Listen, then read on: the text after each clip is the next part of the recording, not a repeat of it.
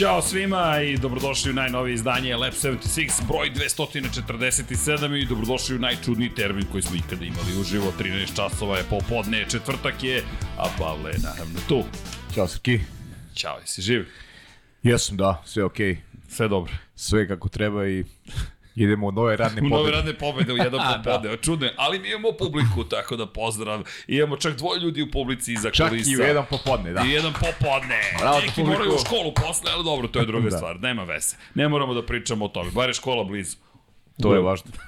da, nije daleko. Uvijek je važno da je škola ali, bude blizu. Da, ljudi, hvala kogod da nam se pridružio danas, ne zamerite, ali ja sam bio na putovanju, bilo je tako napet organizovati sve i onda smo rekli, čekaj, ajde da se družimo u četvrtak i da se družimo kako doliko je uživo, da ne snimimo, nego da vidimo kako da se to organizujemo, pa sad, ko je sa nama jedan popodne super, ko nije, opet je super. Pa dobar i test. Pa jeste. Da vidimo ko je prisutan. Da vidimo ko radi, ko ne radi. Da. šta ne, nije da vam brojimo, nije da vam brojimo, da li radite ne radite, ali eto, čisto a, da znamo ko je dostupan u da, jedan popodne. Da. Malo druženje, čisto da, da, da vidimo kako će to da ispadne. A drugo, ne možemo da se ne vidimo pred Brazil, to je nemoguće ljudi, da ne odemo u zemlju Ayrtona Sene, Nelsona Pikea, birajte kog vozača volite, Felipe Amasu, kao što ga voli, na primjer, Felipe, pa Emersona Fittipaldija. Emersona Fittipaldija, prvog šampiona koji nam dolazi iz Brazila, prosto ne možete Sao Paulo da dočekate, čak i kada je titula odlučena, nevažno je, to je strast čista, prosto Brazil je Brazil, ljudi, tamo mora da se Pritom davio si više struke pobednike velike nagrade Brazila u krajnjem slučaju. Nismo ni krenuli. Ne samo što su domaći lokalni momci, već su, već su onako ostavili ozbiljnog traga ovaj, na velike nagrade Brazila. Jesu. I ozbiljna, ozbiljna je situacija kada odete u Sao Paulo. Jednostavno to morate da ispoštujete. To je mesto koje nosi zaista istoriju. I evo, krenuli smo već u Sao Paulo, nismo u suštini ni krenuli. Pre svega da vam kažem da se volite, mazite i pazite, budite dobri jedni prema drugim, radite nešto lepo,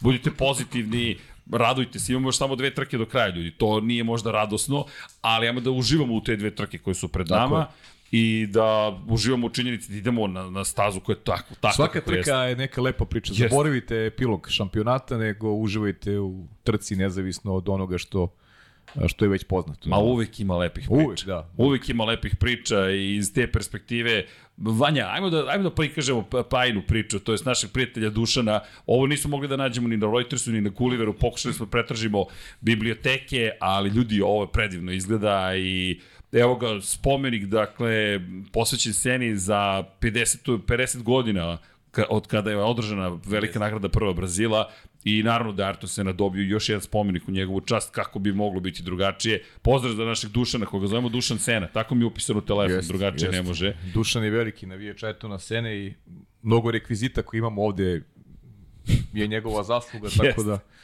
ovaj, jedan od redkih kojima priznajem da je ovaj, i još veći fan od mene. Eto. Jedan od redkih. Jedan od redkih, da. ali, ali pravi je ljubitelji poslao nam je ovu fotografiju, rekao smo, da nađemo na društvenim, ne na društvenim mrežama, daj da nađemo u bibliotekama, agencija, foto, foto, fotografi su sigurno posetili spomenik, i još uvek ih nema pre 15 sati, a ovo otkriveno, to nam je Vanja otkrio, kaže, ljudi pre 15 sati, ok, hvala.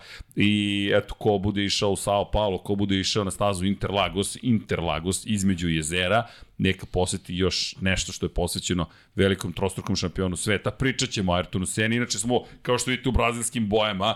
Ko želi može da kupi ovu brazilsku majicu. Brazil, si, si u brazilskom. Brazil, da, da, ti si u Kimi. Čekaj, zašto ja si u Kimi, Kimi bojama? A ne znam, ja... Voliš Kimija? Volim Kimija, da. S razlogom, rekao bih. Da, nisam krio to. Kako? Zar nije Kimi u Brazilu osvojio titulu? Jeste. Pa da. Izme, između ostalog, dakle, kada pričamo, kada pričamo o stvarima koje se dešavaju, da, možemo reći da kada je reč o Brazilu, da, da je zaista posebno mesto. Pričat ćemo, napravit ćemo ceo uvod. Međutim, pre nego što nastavimo, iskoristio bih priliku da spomenem još jednu stvar, kada već spomenješ tu konkretnu priču Vanja i kada pričaš o tome da je Kimi ovde osvojio titulu, znaš šta mi pada na pamet? Da iskoristimo još jednu stvar. Znaš šta ću ti, sad ću ti poslati nešto. Kada smo već ovde, kada spominješ Kimi Rekonena, za one koji ne znaju, poslednji šampion Ferrarija iz 2007. godine, da, nevjerojatno to i dalje se ponavlja ista priča 15 godina od kada je osvojena poslednja titula u, u polidu Ferrarija, ali znaš do čega me to dovodi? Vanja, nešto o čemu smo pričali, evo na Slack, šaljem brzinom svetlosti ukoliko je to moguće ili ti brzinom između ostalog i interneta i ostalih naših veza, a imamo i prvu donaciju. Andre nam se javlja, donirao čovjek 10 dirhama iz Abu Dabija, hvala! Dakle, jedini Arabski Emirati su sa nama, pozdrav za celu pozdrav, ekipu. veliki pozdrav. Pa čekaj, Andrej, koliko je ispred nas? Dva sata? Mislim da je jedan. Jedan. Sad je Ne, jedan. ne, ne, ne, ne, ne, ne, nije, tri. Tri. Tri sata. Tri. Tri, sata je Dobro. u Dubaju, da. Mislim, bar u ono vreme kad sam ja bio tamo, tako da možda se nešto... Evo ga i Maki doniraju 250 dinara, kaže bolje da uvek bude u 13 časova, mogu da radim i da vas slušam uživo, sve najbolje. To, Maki, pozdrav svim zaposlenima, pozdrav svima koji studiraju i tako To dalje. je, to je mogućnost raste pažnje, to je, to je vrlo dobro imati ovaj... Mi pomažemo da se ljudi skoncentrišu, Da, da, da, da. zato što pružamo onaj... Paralelno radiš više stvari odjednom i to je sad, znaš, razvijaš taj neki, neki ove, te moždane vijuge i mo, možda... Ne, ne samo to, atmosferu popravljamo, razumeš? Možda bi trebalo sve kompanije da nas plaćaju zapravo da radimo u Ali dobro, ipak nam neće biti standard, znaš. Ajde, vidjet ćemo u stvari, vidjet ćemo Ajde, kako vidimo, to da ljudi, izgleda. igramo se. Možda dovedemo novo radno vreme. Od 7.06 počinje podcast. Uveče. Mm -hmm. Pa dobro. Nešto ti to čudo. Nije ti to baš to, Nije kao što baš, smo ajde, mislili. ali ajde. ali ajde. Nego, da ne zaboravim pre nego što nastavimo. Vanja, jesi video šta sam ti poslao? Čije? U, da, moramo. Pa, Vanja legalista, Ha, čekaj. normalno. Pa, naravno. A, čekaj da vidim. Evo Ako ga. mi zabrljamo, on je tu da popravi. To je, molim vas. Evo ga. Poslao sam ti. Denis ba Balibus je u pitanju i o čemu se radi? Pa radi se o tome da Kimi Raikkonen zapravo osvoji jednu titulu, ali Kimi je mogao da ih osvoji i više, međutim, našao se u pogrešno vreme na pogrešnom mestu, ili se našao u pravo vreme, ali prosto nije mogao protiv nekoga koji je bio na još bolji poziciji u to vreme. Naravno, vidjet ćete sami veliki Mihael Schumacher. Ovaj bolid, dame i gospodo, je upravo postavio novi rekord, inače šasija 229, kao što možete vidjeti u pitanju, F2003 je u pitanju. I dosta se priča o ovom bolidu, zašto ovo jeste fotografija upravo sa aukcije koja je završena, prodat je za 13, to je 14,9 miliona dolara, to je 13 miliona švajcarskih franaka i nadam se, eto, kada se dodaje naravno porezi i kada se doda rabat, što bi se reklo da ne kažem fi ili ti honorar koji će uzeti i aukcijska kuća, dolazimo do toga da je 14,6 miliona franaka srećni kupac platio, ovo je legendarni bolid i moramo da krenemo datle, zašto? Pa Kimi se upravo borio, sad smo malo prediskutovali o tom iz koje godine, šta je ovo, 2003. Čekaj li to? Ne, ovo je bolid koji je zapravo sprečio Kimi Raikkonena u McLarenu, to jest ne bolid, čovjek koji upravlja ovim bolidom, veliki Mihael Schumacher, to. čovjek legenda. Nije- nije bolid- nije bolid kriv. Nije bolid kriv, da. Nikad bolid nije kriv. kriv je Mihael Schumacher. I to me dovodi, pazite, pa recite da nije kultna ekipa, Dejan Potkonjak, Pavle Živković i ako smem da se priključim na taj vozić, ali crveno i crno Schumacher imate knjigu Dekija Potkonjaka, imate Arton Sena, put ka savršenstvu, Danas sam u posebnom raspoloženju, imate majice, imate, sve imate šta god želite. Dakle, ko voli auto, motosport, tu smo. Elem, ali ovo je predivno kada pogledaš Mihael Samo, samo mi nismo na prodaju. da, to, to malo teže, nešto nam ne ide, taj, taj, taj aspekt ne ide, nemamo menadžera dobro. Ako je rekao na menadžmentu, neka se javi. Imamo tri da. malo starije, dva starije, jednog mlađeg eh, komentatora, novinara, je. Koji predstavljaju novu generaciju, ti si Mi, set generacija. mi mladi nismo na prodaju. Tako je, ali činjenica je da, da je nekako dan počeo tako, čujete da je Sena dobio spomenik, prodat bolid Mihaela Šumahira, setite se Kimija, počnu priče i to je ono što pričamo o Brazilu. Ima još jedna priča koja je prošle nedelje se desila, nije najlepša, ali nije ni toliko tužna, s obzirom na činjenicu da govorimo o nekome ko je doživeo određenu starost, Jest, određenu jest. dob koja je lepa. I ja bih samo iskoristio priliku da spomenem da smo prošle nedelje, nažalost, izgubili Mara Forgerija, mm. -hmm. ali zašto hoću da spomenem Forgerija pre nego što nastavimo? Pa zato što su to oni ljudi koji u velikoj meri definišu sport, često ih ne vidimo, gospodin sa desne strane VIP, bukvalni VIP je u pitanju i je, inače spomenut ćemo, nemojte da brinete i gospodina sa leve strane, ali prvo krećemo od Maura Forgerija. Kada pričamo o Forgeriju, pričamo o tome da je u pitanju čovek koji je inspirisao Adriana Newija, pa svi sada vidite, inače legenda Ferrarija, neko ko osmislio veliki broj tehničkih rešenja uh -huh. koji se dan danas koriste u Formuli 1, jednostavno nekako je to prošlo, malo prinače sa Jodijom Schechterom je bio, da se uh -huh. razumemo, samo Jody Schechter u nekim takođe poznim godinama, Ovde, Veliki šampion. Veliki šampion. Bio je pre Mihaela Šumahira poslednji šampion. Inače, šampion Ferrarija, da. Tako je, poslednji šampion Ferrarija sve do, do 2000. godine kada je Schumacher osvojio svoju prvu titulu u crvenim bojama. 21 godinu su u Ferrariju čekali na, na tu titulu, vidjet ćemo da li će čekati na novu 21. A ovo je bolid Niki Laude i Niki Lauda sa svojom lepšom polovinom u razgovoru sa Forgerim. Forgeri je neko koji je Inače, i takođe doživeo, to će biti jedna zanimljiva priča kada se budemo bavili Forgerim, politiku Ferrarija. Bio je, kada je Enzo Ferrari bio bolestan 1972. 73. bio je izbačen iz ekipe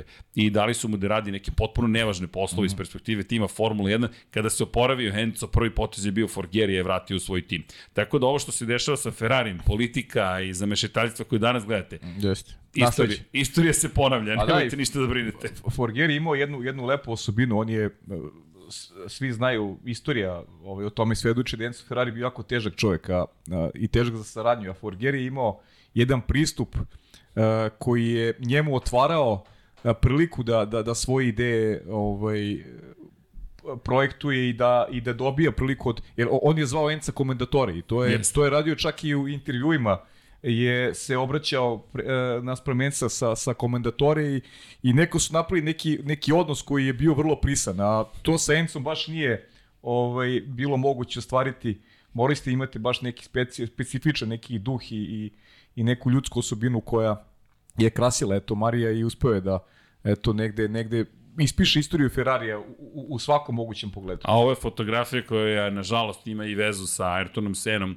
Forgeri je bio i deo istrage, on je bio stručni konsultant u istrazi u smrti Ayrtona Sene, tako da je Forgeri imao duboku ulogu na, na, na mnogo nivoa kada je reč o Formuli 1.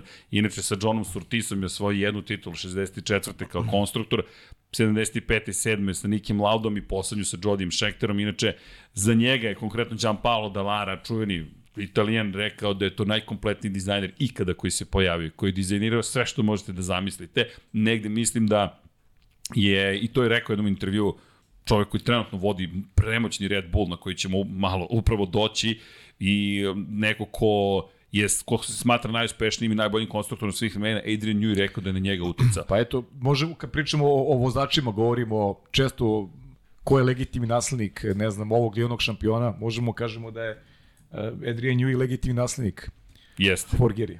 Jeste, i kada pričamo generalno o onome što, što se dešava iza kulisa, rečeno, to su zvezde same za sebe. Inače, Forgeri je zanimljiv zato što se na kraju života posvetio zapravo uzgoju sirćeta i igranjem golfa i pisanju knjiga. I Forgeri, ko je pratio njegove poslednje intervjue, sedeo u svojoj vili, dođu da ga intervjuišu i on živi jedan Da, da. vrlo povučen život, ali na visokoj nozi i posvećen je bio zaista pa možemo reći ljubavi prema životu. Baš je uživao u svemu čime se bavi. Baš je bila prava strast. I to jeste point neki priča o Brazilu. Ljudi, ovo je strast što nas čeka ovog vikenda. Ja, ja to tako vidim, a Forgeri ne, ne, ne vidim tugu u celoj priči. Nego Da, da, pa naravno. Završio se jedan život koji je bio zaista prelep i pun nekih divnih iskustava i čovek koji je uspeo da ostavi dubog trag pomalo zaboravljen, ali tu smo mi da podsjetimo ko je bio Mauro Mož, Forgeri. možete da vidite ovaj, i, na, i na sport klubu, sad ovoj specializovanoj emisiji koju imamo pre GP Confidential. GP Confidential, da imate ovaj, deo intervjua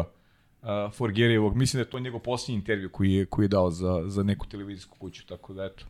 Mislim da, da možda bude zanimljivo onako i ljudima koji vole Formulu 1 i da se to malo bolje upute u ono što, što je neko nasledđe uh, Forgerija. Da, i kada pričamo o dizajnerima, samo bih napravio tu konačnu vezu ka skoku, ka sadašnjem periodu i današnjoj sezoni, samo da spomenem te Ferrari koje smo i videli kasnije, zanimljivo je da je Adrian Newey u jednom intervju za, za kraljevski automobilski klub rekao da pored Forgierija, on izuzetno poznuje Jima Hall. Jim Hall nije toliko poznat kod nas, on je pred svega u Sjedinim američkim državama poznat, ali je dodao Rorija Byrne. Rory Byrne koji je zaboravljen danas pomalo, ali to je ta legendarna upravo možemo reći ekipa, Jean Todt, Rory Byrne, Ross Braun, Michael Schumacher. Dodat ćemo Miodraga Kotura, zato što je Kotur još više bio iza kulisa, ali nema veze. Zato što, zato što je zato što se, to realno. to je, tako je, bukvalno je realno. Pričamo mi o Drago Kotu. Da, i iz te perspektive, eto, da, da napomenemo da je Rory Byrne čovek koji, kome teži, ne znam,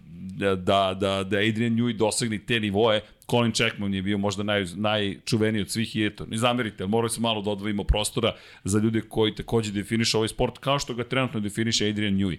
I između ostalo Forgeri svojim uspesima i drugim vrstama takmičenjima deli mi kao da inspirisao i Newey na sledeći korak. Mada Newey, na njega otac dosta uticao ljubav prema automobilima je kompletna i on kaže još više možda volim automobile, dizajnirao je jedan Aston Martin, ajde da vidimo šta će raditi u budućnosti, ali kada govorimo o dizajnu onoga što radi u Formuli 1, Pa evo, mi dolazimo do toga da idemo u Brazil, idemo na legendarnu stazu, Interlagos, ljudi, idemo u Interlagos, ja ne mogu da, da, da opišem uzbuđenje koje osjećam.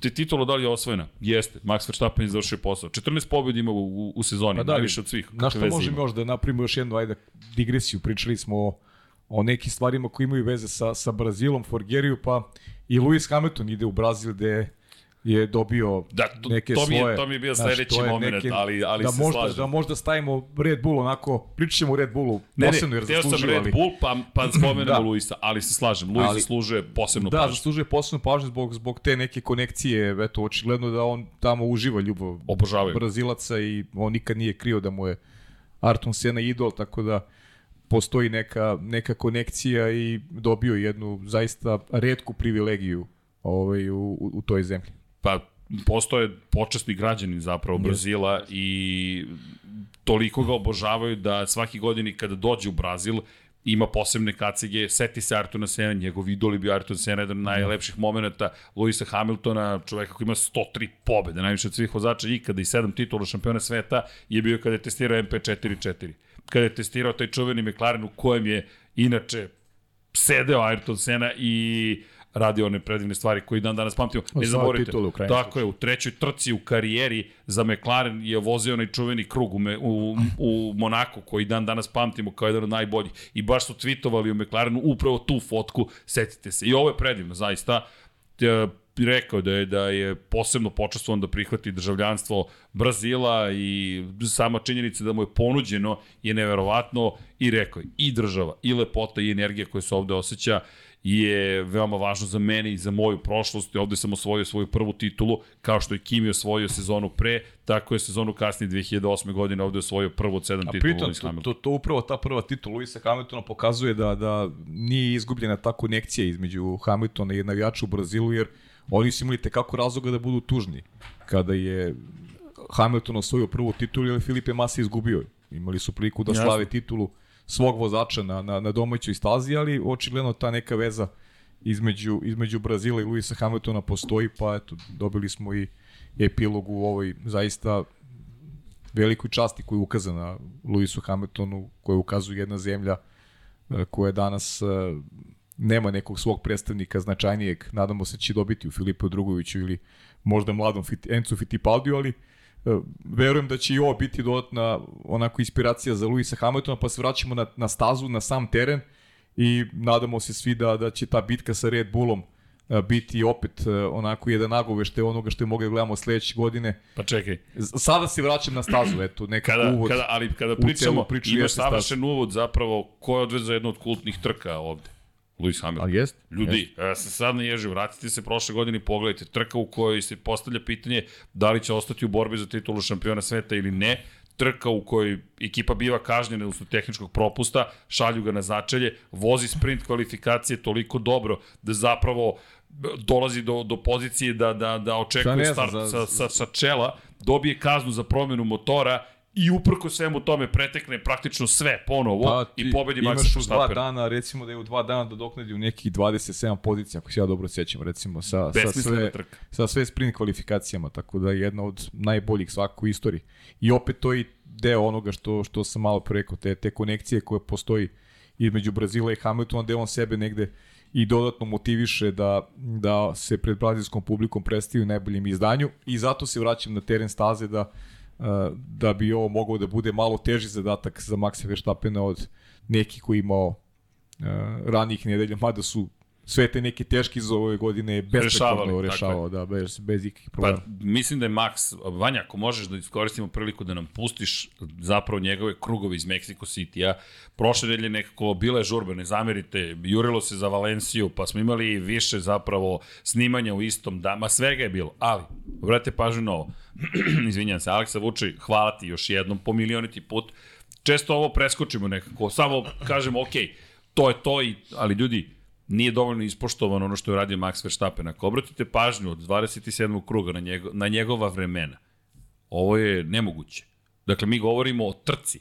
Mi govorimo o tome da je u Mexico City ovaj čovjek vozio krug po krug, krug po krug, krug po krug, na gumama koje se troše. Dakle, ovo su žute gume, ovo su srednje tvrdoći pneumatici, koji, ja ne znam, ko, ako pogledate najsporiji krug, tipa 55.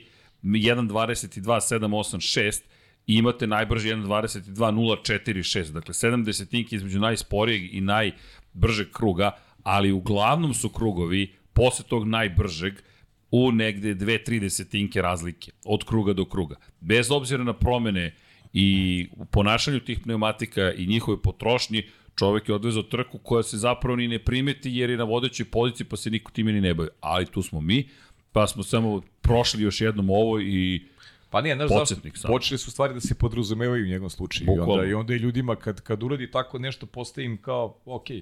Bukvalno to ok. Je, to je maks, to je, znaš, on je sam postavio, dečko, takve standarde da, da, da više i ne, i ne reagujemo na, na neke fenomenalne stvari koje on ponavlja iz nedelju u nedelju. A, e, upravo je to najteže, ponavljati se i svako vikende biti biti na maksimumu, a maks je zaista maksimalno ove godine i malo se ponavljamo, dobro, podcasti i služe da, da malo... Ovaj, Ali vidi, ne možeš da se ne, ne podsjetiš. Pa ne možeš, bukvalno. I zašto je on postavio taj, ne, ima, ima neki temelj koji, koji za, teško je te zidine sada ovaj, negde pomeriti i, i namestiti se protiv njega na, na, na pravi način, to će pogotovo biti teško i mladim vozačima i zato ja negde svesno negde apostrofiram Luisa Hamilton i neke njegove motive, jer, jer mislim da samo on u ovom momentu može u nekom kontinuiranom trkanju da, da, da naudi Maxu Verstappen. Ovi, ovi ostali momci trenutno nisu na, nisu na tom nivou. Čovek koji inače u spoju sa tim bolidom koji je dizajnirao Adrian Newey, da malo pre nismo rekli Mauro Forgere, čisto da znate zvanično, je bio zapravo inženjer mašinstva i čovek koji je prvi uveo zadnje krilo u Formulu 1. Jeste, pa po tome, da ne zaboravim, po tome, po tome, po tome je čuven, da, čuven, zaista. jeste. I to se desilo sada zadnje krilo podrazumeo. Kako, kako mislite uveo zadnje krilo? Bili su ovde klinci pre, pre, kada je bio Red Bull show rani. Pitaju me pa zašto bolid izgleda ovako? Kr krlati automobili, kako su, Bukvalno. kako su ali, ali do tada niste imali, imali ste klasične automobile da. i Forgieri je palo na pamet, ajde dovedemo zadnje krilo. Bukvalno čovjek to uradio. I to je uradio 68. godine na velikoj nagradi Belgije. To je postalo standard. Mi smo se rodili u, u vremenu kada je to tako izgleda Formula 1, izgleda drugačije. A to je to je ta priča kako on kako je on objasnio pristup koji imao prema Enzo Ferrariju kada mu je rekao komendatore ajmo da napravimo ja hoću da napravimo nešto novo, nešto se razlikuje u odnosu na na ovaj na ranije godine. I onda mu je tu amin, Enzo mu je dao amin, može, to to. verujem, kreni i sve ostalo je legenda. E tako je sa Leighton Houseom počeo Adrian Newey i kada sad dođe i kaže hoću nešto drugo, uglavnom mu kaže ok, da, pa. uradi šta god da si uradio. E, to je mnogo, znaš, mnogo je važno da to je kome veruješ i, Tako je. i čije ćeš ideje da, da, znaš, da, da, da ih ovaj, negde um, predstaviš, da, da pustiš prosto čoveka koji ima neku kreativnost, koji ima neko znanje, da ga pustiš da, da to postane deo standarda onoga što, što ti predstavljaš, što ti ovaj, E, mislim Ence Ferrarija konkretno. Ence Ferrari bukvalno mogu da mu zalopi vratu u to, u to vreme. Ali izabrao drugi put. Izabrao drugi put, izabrao je pravi put u tom slučaju, da. Da, inače, kada pričamo o Njuju ove godine, ne samo što su napravili odličan bolid s početka, to nije bio najkompletniji bolid, ali se vidi rad tokom sezone I, i, i imam razlog zašto i uvodim ovu celu priču, ali ajmo prva stvar, Max Verstappen jednu pobedu ima ovde, 2019. godine ovde yes. pobedio, 2020. nismo došli, nažalost, pandemije COVID-a, prošle godine gledali tu kultnu trku Luisa Hamiltona i sad par stvari. Da li će biti teže? Ovo je sprint vikend, dakle ne zaboravite, imamo trening broj 1 i odmah vozimo kvalifikacije u petak uveče koje definišu startni poredak za sprint kvalifikacije u subotu uveče. Između toga imamo još trening broj 2, Inače, Logan Sargent će nastupati na treningu broj 2, pošto trening broj 1 mora se iskoristiti za pripreme za kvalifikacije, a onda imamo sprint kvalifikacije koje određuju startni poredak za trku i naravno dobijaju se poeni za te sprint kvalifikacije. Pa znaš kako, ja, ja, ja čak mislim Maxu mogu bude i lakše, zato što i, postoji sprint. Mislim da sve završi. U kom je stanju, pa da, u kom je stanju ovaj Red Bull, kako to izgleda, a, pritom ti kvalifikacijni krugovi, e sad pričamo iz perspektive Mercedesa, baš nisu bili toliko dobri. Možda, možda postoji poboljšanje prethodnih nedelja, ali uh, opet gledamo, gledamo ka Ferrariju i Maxa vidim zaista kao, kao favorita da, da, da bude uspešan, da bude najbolji u kvalifikacijama i u trci. To je neki, neki moj pogled sad.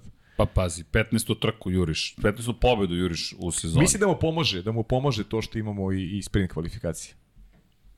Da to odmaže konkurentima, a, a njemu pomože, jer je, jer je bolid maksimalno spreman, on je u sjajnoj formi, tako da teško će biti parirati. Gde su bili slabi? Bili su slabi u kvalifikacijama u trci moćni. Pošto su sprint kvalifikacije, trkate se za startnu poziciju, ako te ja dobro razumem. Pa baš dakle, to. čak i da budeš drugi i treći u Interlagusu može da se može, pretiče. Može, to je do, dovoljno, dovoljno, ima, dovoljno ima krugova da, da, da Max ovaj sebi obezbedi prednost na startu u nedelju. Pre čemu ne znam gde će imati veću prednost. Da li dole kad se sjure ka krivini broj 3 kada krenu zapravo idete prvo u levo pa idete desno pa levo tu već u trećoj krivini imate prvu DRS zonu pritom ta slabo srđene u kvalifikacijama koje govoriš redko kad podrazumeva start iz ne znam drugog trećeg reda. Čak i da bude u drugom startnom redu. Pa jo on ima celu jednu trku kvalifikacijonu u kojoj može da završi posao osvoji maksimalan broj poena i ima prvu startnu poziciju za glavnu trku. Upravo to Delo je kao da ne da će sprint odmoći Maxu, nego da će mu upravo pomoći. Meni tako deluje, da, da, da, da, mu je, da mu je to pomoć, mislim. Pomoć, nije to pomoć koja je sad dobije ne Max, nego ti nešto, prosto ne, ne. Do, kalendar se znao pre početka sezone, ali, ali u tom smeru, kako je on formi, kako se ponaša Red Bull u trkama, uh, sugeriše da, da, da Max ovde ima uh, objektivnu prednost i mogućnost da upiše i 15. triumf u nedelju. Delo je kao da odgovara svemu što su snage Red Bull. Jeste, jeste. Zapravo. I da čak i ukoliko Ferrarijevi vozači budu najbrži, na primjer, da to i dalje neće pomoći. A pitanje je da li će biti, opet imamo to, situaciju... To je ozbiljno, ozbiljno pitanje. Imamo baš probleme sa Ferrarijem, mada to je jedan od naših podnaslova. Max Verstappen, samo da konstatujemo, zabeležio 14. pobedu u Mexico City pred desetak dana u sezoni. To je najveći broj pobjeda u jednoj sezoni u istoriji ovoga sporta. Čak ni Michael Schumacher ni Sebastian Vettel nisu uspeli to, imali su po 13 pobjeda. Lewis Hamilton u svojoj karijeri je imao ljudi ukupno najbolje sezone u kojima, su, u kojima je ostvarivao 11 pobjeda za redom. Dakle, mi govorimo o nečemu što se ne viđa, ne svaki dan, nego 2003. Schumacher upravo bolidu koji je prodat, jedan od bolida, pošto je bilo više šasija, dakle, je došao do tih, ne, 2004. oprostite, je došao do tih 13 pobjeda, to je bila dominantna sezona, gledamo se, pošto smo pričali o tome, i Zatim 2013. godine Sebastian Vettel koji je naređio onih 9 pobjeda za redom i ukupno imao 13 pobjeda. Sad imamo čoveka koji ima 14, može da dođe do 15. Motiv, motivi mu ne nedostaju i priznao je najzad da bi bilo lepo da dode još pobjeda na sve to. A ukoliko pobedi, doći će do toga da može po procentu uspešnosti u sezoni da u Abu Dhabiju dođe do većeg procenta čak i od Schumachera. Alberto Skari će ostati zaovek sa 75%, pa, verujem, najbolji. Ja, dobro, to je 6 pobjeda u 8 trka. Tako je. Baš to je, je onako... Pra početak Formule 1. Mali, mali broj trka, mali uzorak. Pa i lepo što je rekao Max, mislim, ali to ti je i priprema za narodnu godinu jako važno. Jer ti ostavljaš onda rivale, čekaj, šta treba da uradim da ovog momka pobedim? To je nešto što recimo Lewisu Hamiltonu je u toj eri dominacije on on nije mnogo vodio računa o tim stvarima. Seti se da je nije, se dešavalo par sezona da on obezbedi šampionsku titulu i popuno se opusti. Neke druge stvari dobijaju koji njega prioritet i malo duži odmor sebi je, je davao prosto Lewis Hamilton. S druge strane, Max vidimo da je posvećen od početka do kraja, jer mm, Max je mlad, ambiciozan, zna da je onako u nekom sada naletu i pokušava da to kroz brojke još više potvrdi, tako da kada pričamo ne samo o Brazilu, već o posljednje trci Abu, u Abu Dhabiju, rekao bih da, da je Max eh, favorit da, da dobije obe trke. E sad, naravno, mi sa ove pozicije, a verujem da je većina oni koji ne navijaju za Maxa Verstappena pre svega žele da gledamo dobe trke, ono što je i uvod bio ovaj podcast. Da zaboravimo e, razliku, da zaboravimo ko je šampion, već da se fokusiramo na trke, jer opet neke male bitke nisu rešene, pričat ćemo njima tokom ovog podcasta i za nas je sve verujem važno da se dobro zabavimo, da dobijemo kvalitetno trkanje i da onda sa nestrpljenjem čekamo početak marta i novu sezonu koja bi po svim najavama trebala da bude interesantnija od ove. Ali pazi, mi sada mi trenutno prisustujemo još jednom delu istorije. Ti si pričao o tom iz druge perspektive, iz perspektive drugog polovine sezone za tim. Da li jedna ekipa može da zabeleži sve pobede u drugom delu sezone, konkretno Red Bull u ovom slučaju. Ali Red Bull, ljudi, je nadomak još jedne velike istorije. Mi gledamo ka Schumacheru, gledamo ka Fetelu u ovoj situaciji, Spominjali smo Ayrtona Senu, spomenut ću ga sada ponovo. 1988. godine Ayrton Senna i Alan Prost su doneli trenutno rekordni broj uzastopnih pobjeda ekipi McLarena. 11 za redom. Trenutno Red Bull ima 9 pobjeda za redom.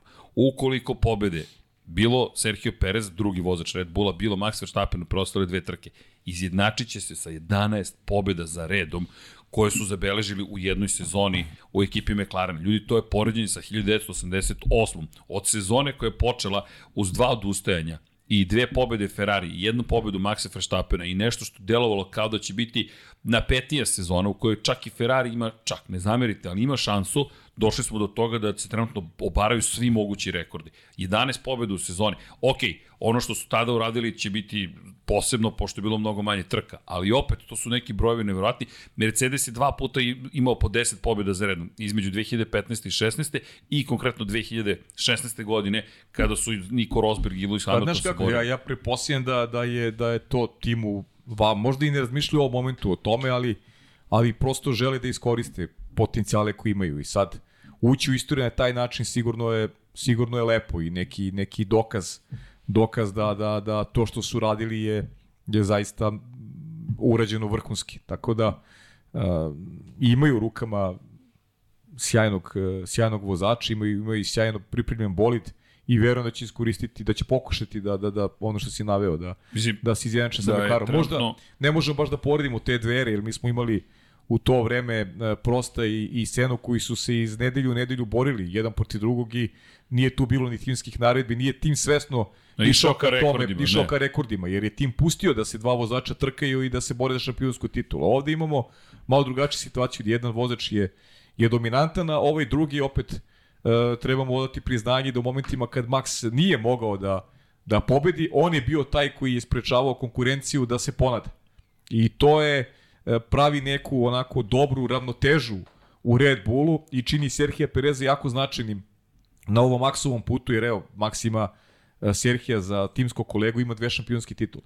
Red Bull dolazi do konstruktorske titule, tako da postoji ta priča o timskom radu koja je jako dobra, malo drugačija u odnosu na ono vreme e, Sena i Prosta, jer su njih dvojice bili spremni jednog, da, je, da jednog drugog, drugog izbaci sa staze e, zarad rezultata, a ova dvojica su vozači koji vrlo lepo, tesno sarađuju, imaju neki dobar odnos i pravi jednu koheziju u timu koja je onima koji ga vode idealna, jer, jer nema tu, ne znam, mrkih pogleda, nema nezgodnih situacija na stazi, već ima jedno, ima jedno uživanje u sezoni koja, koja donosi apsolutni mir i donosi e, njuju stabilnost u pripremi onoga što se čeka sledeće godine, a naravno da će pokušati da ga po znacima navoda prevare konkurenti Ferrari i Mercedes i, i to je ta neka draža onoga što očekujemo u 2023. Da li može neko da se približi na ozbiljniji način Red Pa najbliži tome su bili Rosberg i Hamilton te 2016. jer su se borili jedan protiv jest, drugog. Jest. To je najbliže što smo se približili jest. nečemu. Inače, da li znate ko je prekinuo niz McLarena od 11 pobjeda. Ajde, daj, daj malo vremena, čekaj, to je 80... Uh, 89. se Pa naš ko je, to je Nigel Mansell. Tako je, Nigel Mansell. I to u kom bolidu? Ferrari, prva njegova trka za Ferrari, pobeda sa poluautomatskim menjačem. Gde? Ajde, Vanja, imaš jedno pravo da pogađaš. U Brazilu. Pa naravno, i onda posle kaže neko završena borba za titul. Pa, Kakve to veze ima sa nama? Imamo druge borbe. Imamo ne samo borbe. Idemo u Brazil, ljudi, samo da se vozi u Brazilu, pa imaćete osmeh na licu. Imate onaj uspon, možete da pretečete. Imate dve re rezone. Između treće i četvrte krivine ima prostora. Sjetite se samo, Charles Leclerc, Sebastian Vettel. Drama se tamo dešavala, yes. završila je obojica pored staza. A i u Rio su bile dobre trke, isto. Nažalost, ta, ta staza više ne postoji, nažalost. Uh, srušena je za potrebe olimpijskih igara u u Rio, ali i tamo smo pratili neke vrlo, vrlo kultne trke. Brazil je specifičan bio po Jest. tome i po toj energiji i po zaista velikom broju e, superstarova koji dolazi iz Brazila. Ovaj, eto, tu ekipu koji se nave, oni su višestruki pobednici velike nagrade Brazila. I Emerson Fittipaldi, i, i Ayrton Senna, i Nelson Piquet. Filipe Massa je takođe pobeđivao. Tako je na velikoj nagradi Brazila, tako da, da baš poslednja pobeda Brazilca završena zapravo u suzama, iako je pobedio jest, nije svoju titulu. Jest, Lewis jest. Hamiltonu pripala titula. Tako je. Jedna od najtužnijih scena, opet istorijska scena, 2012. s druge strane Vettel osvojio takođe titul. Čuveni duel, radili smo ti ja direktno taj prenos. Jest. I moment kada je Bruno Sena uleteo u bolid Sebastijana Fetela i u malo nije izbacio šampiona, okrenuo ga, Fetel je gledao u pogrešnom smeru ka krivini broj 4, okrenuo se sa rupom u bolidu, nastavio i uradio dovoljno da pobedi Fernando Do, Alonso. da, uradio dovoljno zato što je Alonso trebala pobeda, a znaš ko je pobedio u toj trci? Jenson Button. Jenson Button. Jenson Button. Nije želeo da se skloni sa puta Fernando Alonso. Kasnije su mi se ukrstile ovaj, koplja u, u McLarenu. Ne, ne zna li bilo neka priča, mogu si malo Jensona da popustiš. Mogu se da Imao pogrešiš. sam šansu za titulu, Ja, ali nevjerovatno. ti nisi dao. Koliko srceparajućih trenutaka za, za Ferrari. Jest, na tom mestu. jest. Dakle, ti pogledaš u roku Zamisli od 5 pok... godina. Znači uništen mu boli. Ti Treba da uradiš šta Ima rupu, okrenut je na Imaš pogrešnom smeru, poslednji u Tako tom je, trenutku. treba pobediš u trci. Treba pobediš u trci, ali ne može. Pobedio ne je. Jenson Button. Neverovatno. Inače, to je bila poslednja pobjeda za McLaren sve do Monce i Daniela Ricarda. Tako da je to nešto što se dosta dugo pamtilo. Kraj 2012. i onda su prešli 2013. na ono čuvena, čuveno oslanjanje koje nije, baš i nije najbolje radilo. Prednje oslanjanje su u potpunosti promenili. Imali smo, imali su vučnu sponu su ubacili umjesto smo potisne i to je taj čuveni push rod, na, u pull rod sistem su prebacili i mnogo Ali problema. samo da ne bude nepravedan prema Sebastinu Fetelu i sebi uradio Naravno. sa, sa oštećenim bolidom dovoljno dobru stvar, ne znam koji je završio trci, on je osvojio neke poene i znam da je, da je nije mogao Šesti da je napreduje, da, nije mogao da napreduje sa šeste pozicije. E u toj, toj, tim uslovima, da nije bio u bodovima, Alonso bi bio prvi i sa drugim mestom. E, Ali, ali Alonso nije mogao da, da prosto nije bio ni blizu Jensona Buttona. Tako da Vettel je uradio dovoljno dobro posao trci. digresija, ali spomenjamo često da Sebastian Vettel nikada nije startovao niže od treće pozicije i došao do pobjede. Ali mislim da smo to napomenuli, još jednom, još jednom ću da napomenem. Taj bolid, konkretno Adriana Njuija, je bio problematičan po pitanju maksimalne brzine. Renault nikada nije bio, baš patio od visoke maksimalne brzine, ali ne samo to. Tako je projektovao bolide u to vreme Adrian Newey, za razliku od ovogodišnjih bolida koja je raketa Red Bullova, dakle da, da je Vettel morao u kvalifikacijama zapravo da bude što je više moguće da bi mogao šta da uradi, da povede i da diktira pobegne, tempo. Jer ukoliko ne povede i ne pobegne na vreme, čim bude duel, duel brzine, on to gubi. Dobro. A ovde je pokazao da može da pretrči. Dobro si to napomenuo zato što ovde je sa oštećenim bolidom da obojca, sećaš se, čekamo da se taj. Po bolid kiši. po, da se taj bolid povuče sa staze. Sjeti se te trke. A on je kiša, došao, on je, on je obezbedio sebi dovoljno dobru poziciju na kraju da bude šampion. Jer da nije osvojio poene, Alonso bi bio prvo Tako kroz je. drugo, me- drugi mesto. Tri pojena razlike na kraju. Tako je. 281 nasuprot 278. Minimalna razlika, bukvalno minimalna razlika. Jeste. Ali opet, uspeo je, to je bila njegova treća titula za redom, još jednu je osvojio naredne godine, od onda nije više imao to, te uspehe. Fernando nikad nije osvojio titulu, to je još uvek nije osvojio titulu, aj vidjet ćemo Aston Martin, da li I ne šalim se, ljudi, Misliš, postoji nije nikad šansa. posle, o- Posle one dve, osvojio, one ima dve nije tako je, osvojio, protiv da. Schumachera, čuvene, ali činjenica da je to, i to se isto dešavalo u Brazilu. I- Ima još mnogo toga, ali Ne, bio prosto Pa dobro, ali, ali znaš, i kalendarski je tako smeštena, znaš, ovaj, u završci sezone, tako da, da možemo mnogo da sad Da, da, pričamo o tim vratit ćemo, istorijskim vratit ćemo se naravno, ali Znaš, ne može- sigurno će nas odvesti Tako je. negde na put istorije. Nije mogla Australija baš da ima, znaš, tu težinu ovaj, u Dobro, sezoni, dobro, s obzirom, je- s obzirom da je... Čekaj, čekaj, do znaš, 95. do 95. dobro, ovo 95. je ovo novije Od kad vreme. se ti rodio nije mogla, Tako je, ali, ovo. ali do tada i bilo. Moja generacija to ne pamti. ali, ali Brazil da, kada je smešten Da. da. tako na kraj godine, bitan. Pa kao prošle godine ta trka koju smo imali. Zato kažemo, ko zna. Inače, kada teoretišemo sad šta bi moglo da se desi, kao ne znamo šta će da se desi ili šta bi najverovatnije moglo da se desi, ali ljudi Ferrari, zašto, zašto smo skeptični po pitanju Ferrari? Vraćamo se na priču Mexico City, Red Bull Ring i sada Interlagos, nadmorska visina. 2200 metara nadmorske visine je visina staze u Mexico City-u, braća Rodriguez, jel te? S druge strane, negde oko 600 i de- 670 metara je Red Bull Ring, preko 700 metara nadmorske visine je visina Interlagosa, to jest Sao Paulo. Sao Paulo uopšte se ne nalazi nisko, faktički je na planini, sve preko 500 metara se definiše kao planina.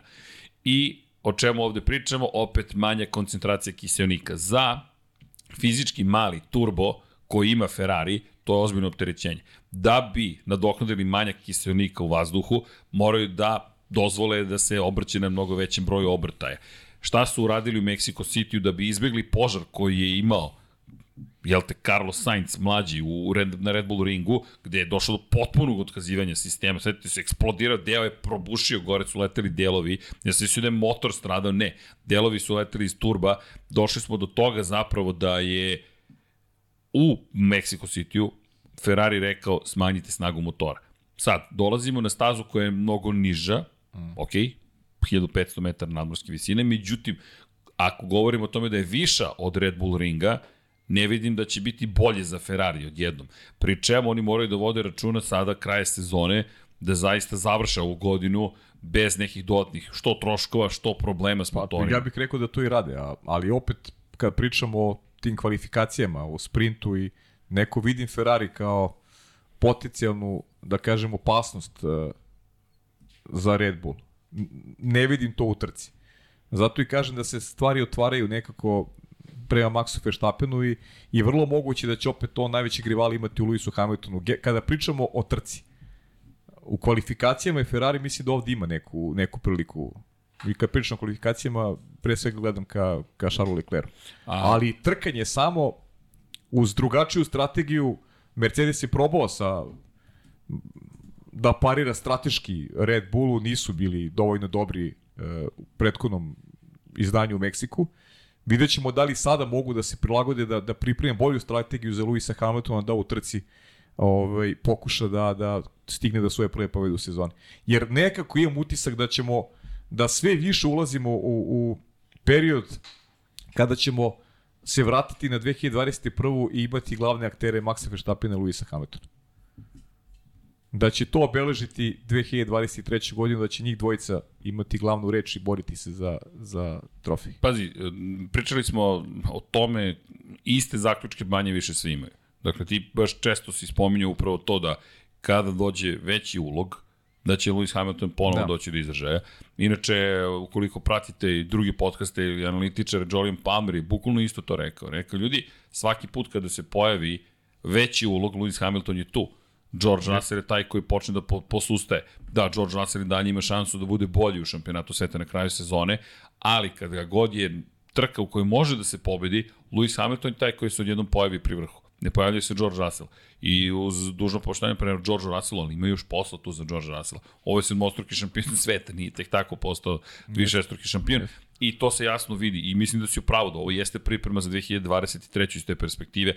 Sa, iz Verstappenove perspektive kao neko ko sada je novi vladar Formule 1. Mislim da mu je to veći motiv nego brojke. E, mislim da, da su brojke lepa nagrada. Lepa nagrada, ali do je veći motiv. Ne dozvoliti rivalima da a, se bolje nameste, po znacima navoda, za narednu godinu. Da imaju osjećaj kako je on, kako i njega a, moguće pobediti. Da iskoristi potencijal koji ima, formu koji se nalazi, a, da je njegov fokus, to je makar moje mišljenje, Lewis, Lewis Hamilton. Pobediti Lewisa Hamiltona i završiti ovu godinu na pravi način na, i tako se pripremiti za početak naredne, jer verujem da je Max svestan da ga čeka mnogo teži posao nego što bilo 2022. Pa vidi, Mercedes se uveliko probudio, ako smijem tako da se izrazim. Jeste, dakle, jest, mi to, to je evidentno. Ono o čemu mi pričamo jeste da je Mercedes u mnogo boljoj poziciji nego što je bio na početku godine i po načinu na koji tim funkcioniše i razumevanju stvari. Pri čemu Mercedes ukoliko, a videli smo da to zna da uradi, može da iskoristi ovaj period kada strategija nužno nije na najvišem nivou da kaže aha, ovo je slabost, na ovom moramo da poradimo, da će se spremiti za narednu sezonu. Mm. Međutim, to me dovodi do pitanja. Ti ja smo počeli da spekulišemo Ubilo ih je poskakivanje. Da, poskakivanje je sve, ali Znaš šta je ironija? Tehnička regulativa, koja beše 39, ili, ili to beše broj, Jest. je više pomogla Red Bullu nego bilo kome drugom. Pa da. Svi su navijali da se to uvede pa, da bi se Red Bull obuzdao. Pa vraćamo se na početak priče. I Adrian Newey. Adrian Newey. Adrian Newey, bukvalno Adrian, Adrian Newey. I sad otprilike ispade, ako se uvede tehnička regulativa, vidjet ćete koliko je Red Bull, tada su bile optužbe iz kampova navijača, ne timova. E sad ćete vidjeti kako će Red Bull da potone. Ko je potonuo? Pa Ferrari je blago poklekao, Mercedes nigde nije otišao, Red Bull a Red Bull otišao samo Red Bull je do, dobio je krila. Dob, bukvalno, dobio tehnička krila. direktiva ti daje krila. Bukvalno su dobili krila. I od tog momenta oni su nepobeđeni. I sad ironija. Te tražiš nešto na kraju to dobiješ i kažeš ups, možda bi bilo bolje da ovo nismo tražili. Ti Tako. si samo narošio Ferrari praktično. Dakle, kogod da je lobirao, doveo do toga da Ferrari ne plati najvišu cenu. A da se Red Bull otvorio sva vrata.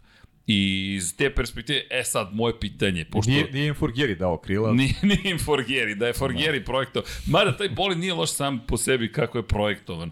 Ekipa je strateški sebe baš mnogo koštala. To je ono što nedostaje. Sad, da li će bolid... Inače, Matija Binotto ponovo nije u Brazilu. Rekao je da nastaje da se bavi razvojem bolida za 2023. Okej. Pa dobro, možda neki Forgieri se možda probudi u njemu. Pa da, ali... Jer on je, ajde, mislim, on čovjek taj deo posla... Ali koga je imao, izvini, Forgieri?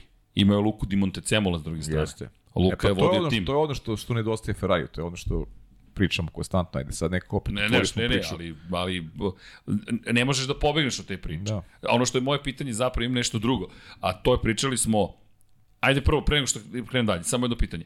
Više očekuješ od Ferrari nego od Mercedesa na ovoj trci? Uh, pričam samo o kvalifikacijama, u trci ne.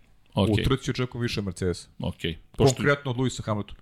ja mislim da je pogotovo uz ovu motivaciju koju je sada dobio. Samo sam malo popričao o kvalifikacijama, ništa To, to. više. Kvalifikacijama da. Očekujem zašto znamo koliko je brz Charles, Charles Leclerc. E, a sada dodatak toj priči. I to je ono što je bilo pod nas. I ja smo pričali o tome, ja sam izneo ideju, razmišljanje, da li želiš da budeš na drugoj poziciji u šampionatu sveta konkurenciji konstruktora, ako znaš da ti to oduzima 5% od dodatnog aerodinamičkog testiranja. I sad, pitanje. Mercedes, mislim, moje mišljenje, da neće hteti da da se neće time baviti, nego da će ići na najviše što može da dobije ove sezone. Pa da, ali ja mislim ali da- Ferrari, Ali ja mislim da Louis želi da bude, da bude pobednik jedne trke do kraja. Da, upravo to. Da će Mercedes i, i, i konkretno Lewis Hamilton raditi sve da dođu do najboljeg mogućih rezultata. Nego, da li misliš, ovo je spekulacija, Misliš da će Ferrari da tankuje? To je izneo Damon Hill zapravo, svetski šampion iz 1996. je rekao, pa da li će možda Ferrari da bude taj koji sad kaže, pa čekaj, pogasi motore, završi sezonu, dobiješ još 5%, još 5% zapravo aerodinamičkog testiranja. A Red Bull je kažnjen sa 70% vremena da. nominalnog su pali na 63, drugo plasirani će imati 75, treći plasirani 80% vremena. Zabrinut sam posle vreme što se ovaj, često složim s, to, s tvojim konstatacijama. Šta se dešava? Šalim se, ne, o, o, mislim, dobro zapažanje. Ima, ima Znaš. ovo, ima logike. Ima logike razmišljati na taj način. Znaš, teško mi je da da sabere misli, znaš, da neko ko je trkač, Tako, da će, slažem da, da će da povuče ručnu, ali a opet s druge strane sve što si naveo i te kako ima logike u pripremi onoga što što nas čeka naredne godine. Stvarno verujem da da Lewis Hamilton da će pokušati da dođe do trijumfa. Mislim da mu je to važno zarad onoga što sledi, a opet i on želi da nastavi taj veliki niz koji ima, da mu ovo bude 16. godina u kojoj će imati makar jedan trijumf. Tako da, pratit ćemo. Pratit ćemo da vidimo kako stvari izgledaju. Ok, ali eto, to je, to, to mi je, baš mi je, baš mi je zanimljivo. Da, jeste zanimljivo. Znaš, jer ti ako Moram pogledaš... priznati da nisam razmišljao o tome uopšte. I to, to palo mi na pamet prošlog puta, ali mi je palo na pamet iz druge perspektive. Da, da Mercedes zapravo, zašto bi se sada trudio? Ne razmišljam, ne, ne, ne. Mercedes će uraditi sve što može. Da, da. Jer to je taj mentalitet. Ej, pusti me, da, 5%, da, ok, košta nas, ali mi moramo da budemo Mercedes. Mi smo Mercedes AMG F1. To nešto mora da znači. Ti si Lewis Hamilton, to nešto mora da znači. I žao mi ukoliko Ferrari povuče takav potez, ali, ovo što si rekao, trkači, ali Hill kada je to izgovorio, prvo, prvo moram ti reći, bio sam vrlo zadovoljan na, našim razmišljanjem. Rekao, je, da li Hill sluša Lab 76, ne znam. Možda, možda- Nadam se da uradio like and subscribe, ukoliko niste, ukoliko, ne, nemojte biti uh, oni koji nisu kliknuli like, ne znam da li je Hill kliknuo like, šalim se, ali svetski šampion, inače, zanimljiv, zanimljiv je baš dao Damon Hill, ali, ali činjenica mi pao pamet, daj, to isto ima smisla, zašto Ferrari ne bi sad povukao ručno i rekao, Ima težinu, ti, ti ljudi koji su bili na stazi, veliki vozači, šampion. ima težinu kada, kada kažu, uh, kada zaista pričaju ono što misle. Znaš, kada nisu to te izjave politički obojene, znaš, da bude da se svima dopadnu, nego kada pričaju iskreno o onome Hill je što... baš iskren. E, to je, to je mnogo, to je mnogo važno. To je mnogo važno. I onda uh, dobijaš neku, neku drugačiju viziju onoga što, čemu možda nisi razbijao. Ja priznajem da nisam razmišljao na ovaj način, ali uh, to što govori Damon Hill i tekako ima logike. i sad ti dobiješ dodatno vreme za razvoj i pokušaš na taj način ponovo da budeš Jeste.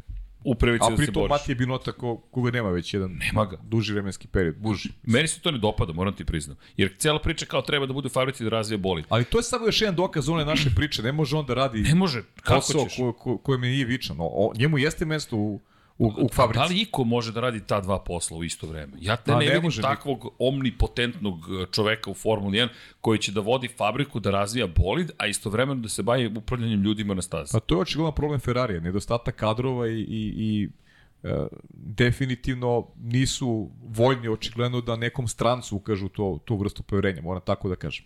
Jer ti pogledaj još, od odlaska najboljeg iz mog ugla Stefana Dominikalija imamo neka lutanja konstantna ovaj, kada je u pitanju šef tima, očigledno da, da tu stvari ne funkcionišu dobro.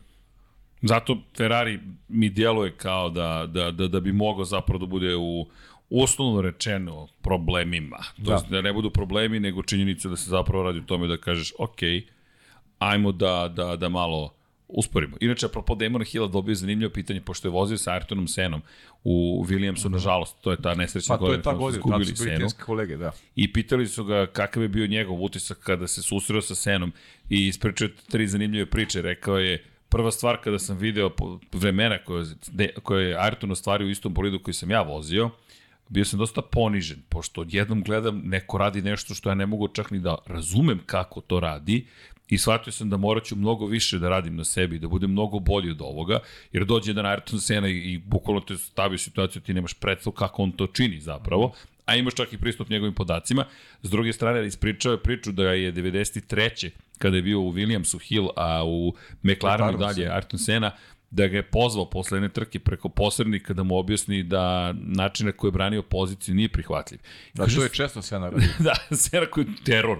Ne ide on da te pozove, nego pošalje čoveka da te dovede kod njega u domaćinstvo, to jest kod motorhoma, i kaže ti vidi, i rekao mu je pritom, kaže ti si mlad, a Hill kaže ja sam šest meseci mlađi zapravo od Sene, nisam uopšte mlad. Da. Da. I kažem ti si mlad dečko, otprilike ta, to se tako ne vozi. Kaže Hill, gledam ga, razmišljam, šta sve to postoji što Sena nikad nije, što je sve učinio na stazi pa da mi zameri, kako on može da mi zameri. Ali kaže, to je Ayrton Sena i znao sam šta me čeka zapravo, to ti je lekcija. Da.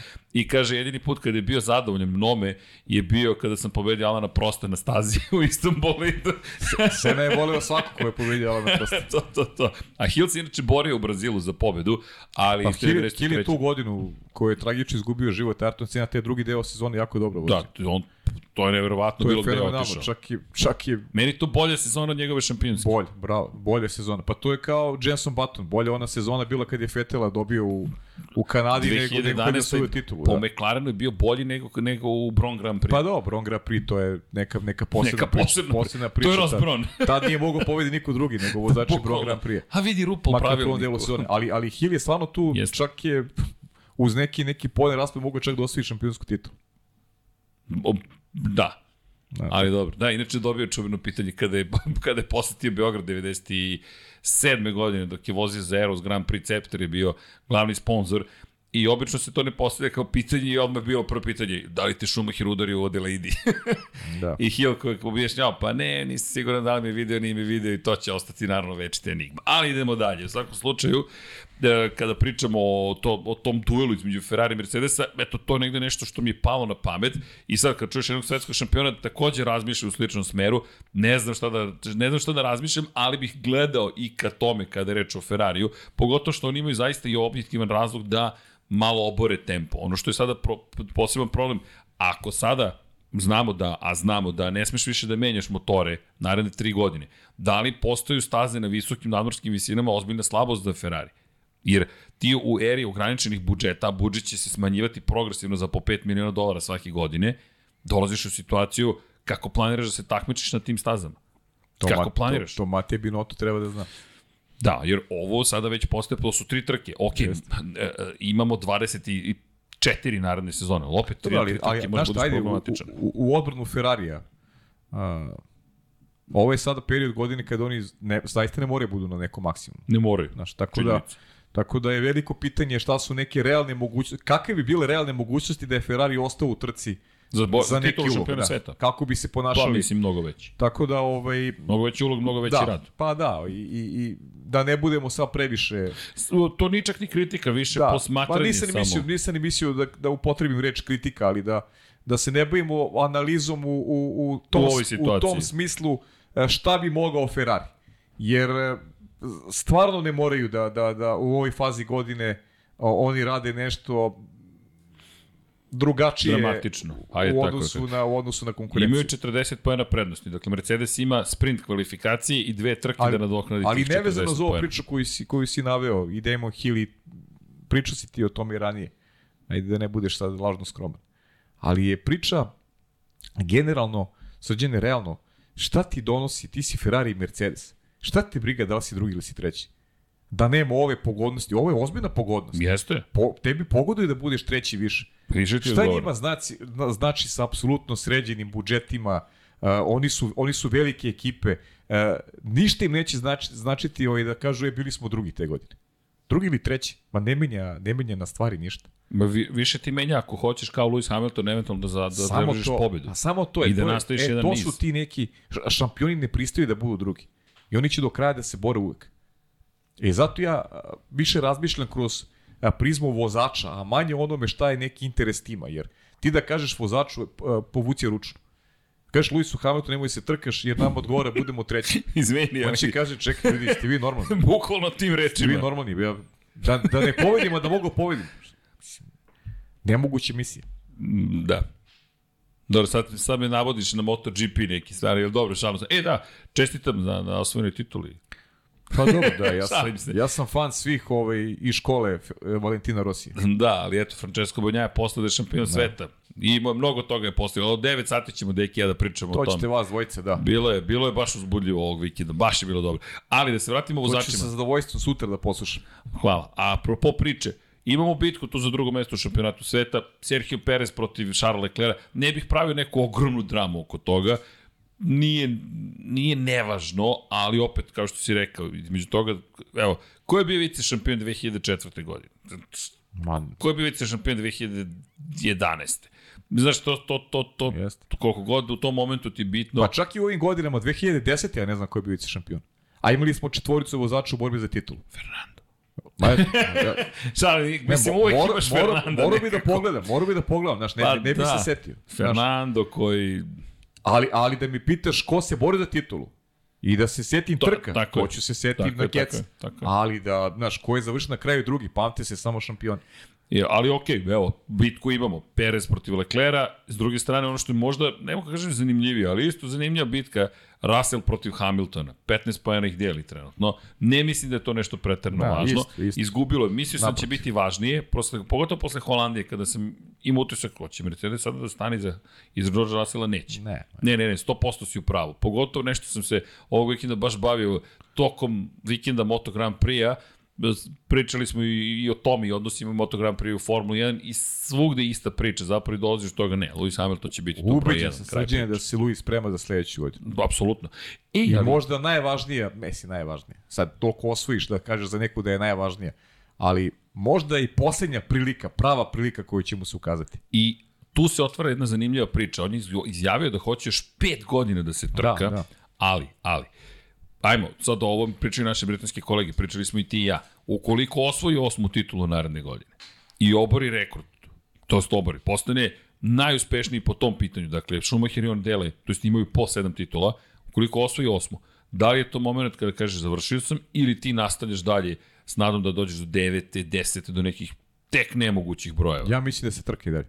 Ok.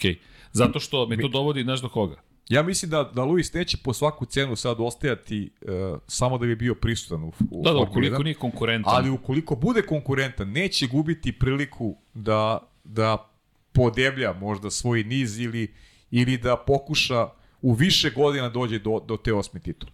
Nego, znaš šta o čemu ja razmišljam? Razmišljam ipak, uh, mada su nas i Alonso i Vettel su nam pokazali da mogu da prkose godinama, da, da se trkaju sa, sa klincima i da budu dovoljno dobri, da budu dovoljno brzi. E, tu sad više razmišljam uh, uh, u pogledu Luisa Hamiltona šta, šta mu donose godine. Znaš, ne možemo da pričamo o nivou neke, neke fizičke spremnosti, ne može da bude ovaj, to na istom nivou kao kod, ne znam, Maxa, kod Landa Norisa, uh, neke posljedice, znaš, godine, godine trpe neke posljedice. E, sad je pitanje samo kako će telo da služi ovaj, i zdravlje Luisa Hamiltona, koliko će on moći da, da traje i da, i da bude konkurentan. Jer ti sad imaš, povećava se broj trka.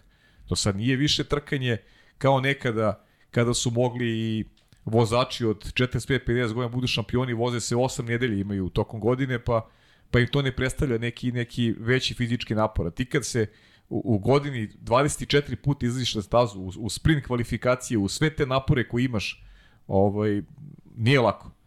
E, to je možda ključno pitanje e, ovaj, koliko će fizički biti spreman Lewis Hamilton da se u tom pa to nekom to vremenskom periodu ovaj, trka sa, sa ovim klincima. To, samo godine. Kada pogledaš Fernanda Alonso koji ima preko 40 i ne deluje mi sporije, imaš razloga da razmišljaš, sport se promenio, ishrana se promenila, generacije su se promenile, mi imamo veliki broj zapravo ljudi koji nam pokazuju gde mogu granice da se da, da, da odu ljudski izdržljivosti. Da. Na početku istorije Formule 1 su vozili 30-godišnjaci, 40-godišnjaci, ali to je nekako, bili su u mogućnosti to da učine, Da. Pa se spuštalo. Spuštalo se, ali, ali, ali onda opet kad povećalo. kažeš Alonso, opet imam jednu digresiju. Znaš, da. Alonso se ne bori za titule sad u ovim poznim godinama. Ali znaš. da li bi se... On nije 23 trke da je on konstantno da mu je ono mozak opterećen, da razmišlja Činjenica. o svakoj krivini, ne sme da napravim grešku. Ovo je više ko penzija. Ovo je, Ako gledaš to vrstu pa, opterećenja. Pa jeste, tu vrstu opterećenja je gledam.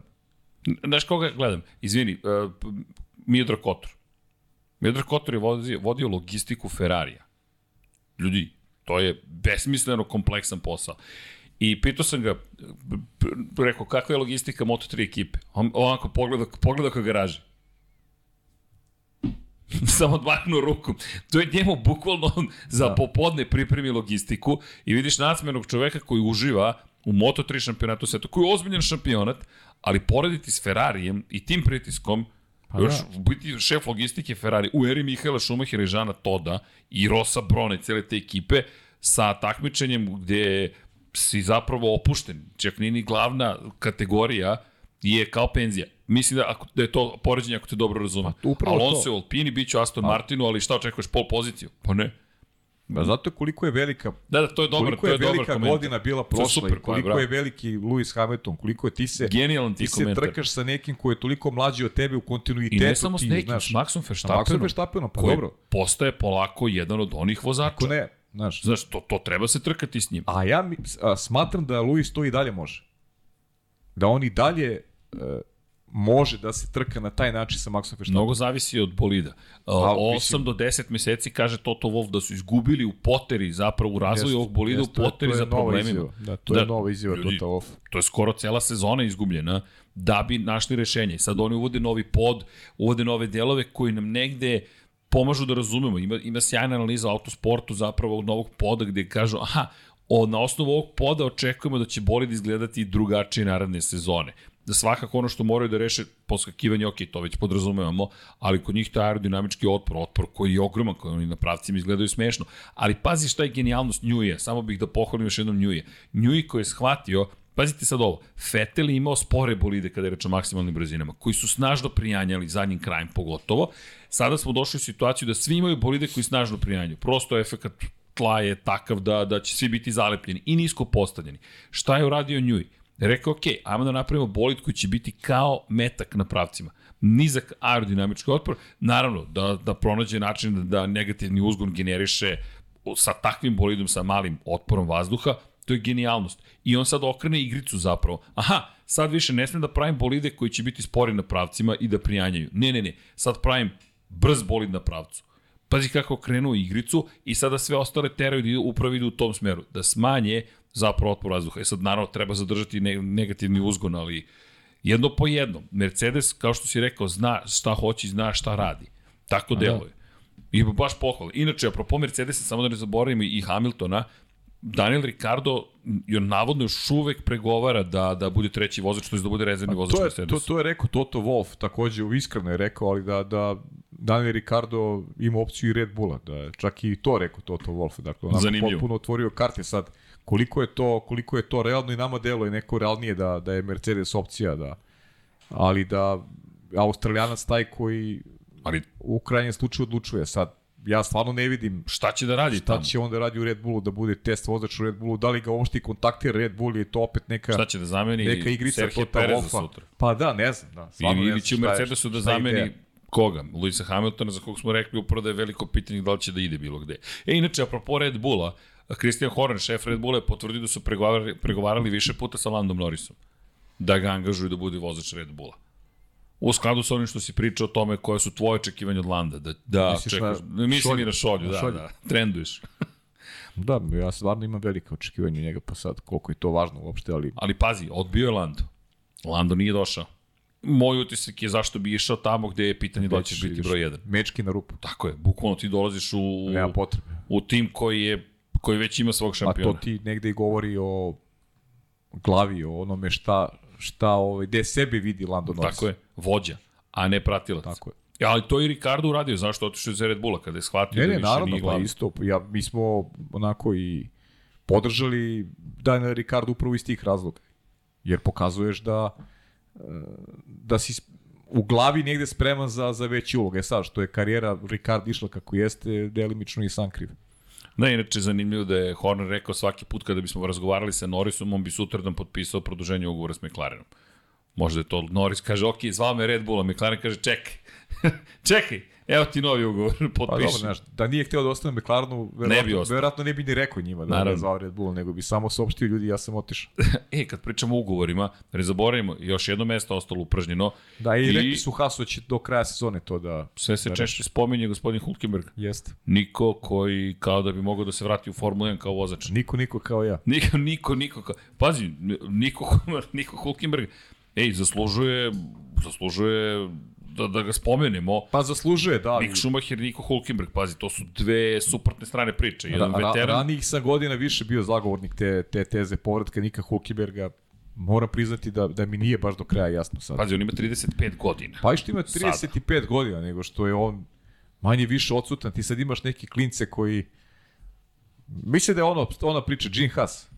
Ginu Haasu je onako dosadilo više da da ovaj, tefteriše koliko treba da odvoji novca za nove šasije, za, za sve te ovaj, probleme koje mu je napravio Mick Schumacher, tako da je to verovatno neki razlog što žele da se ovaj opredele Imamo za goste. neko iskusnije rešenje. Imamo, pa nek uđe.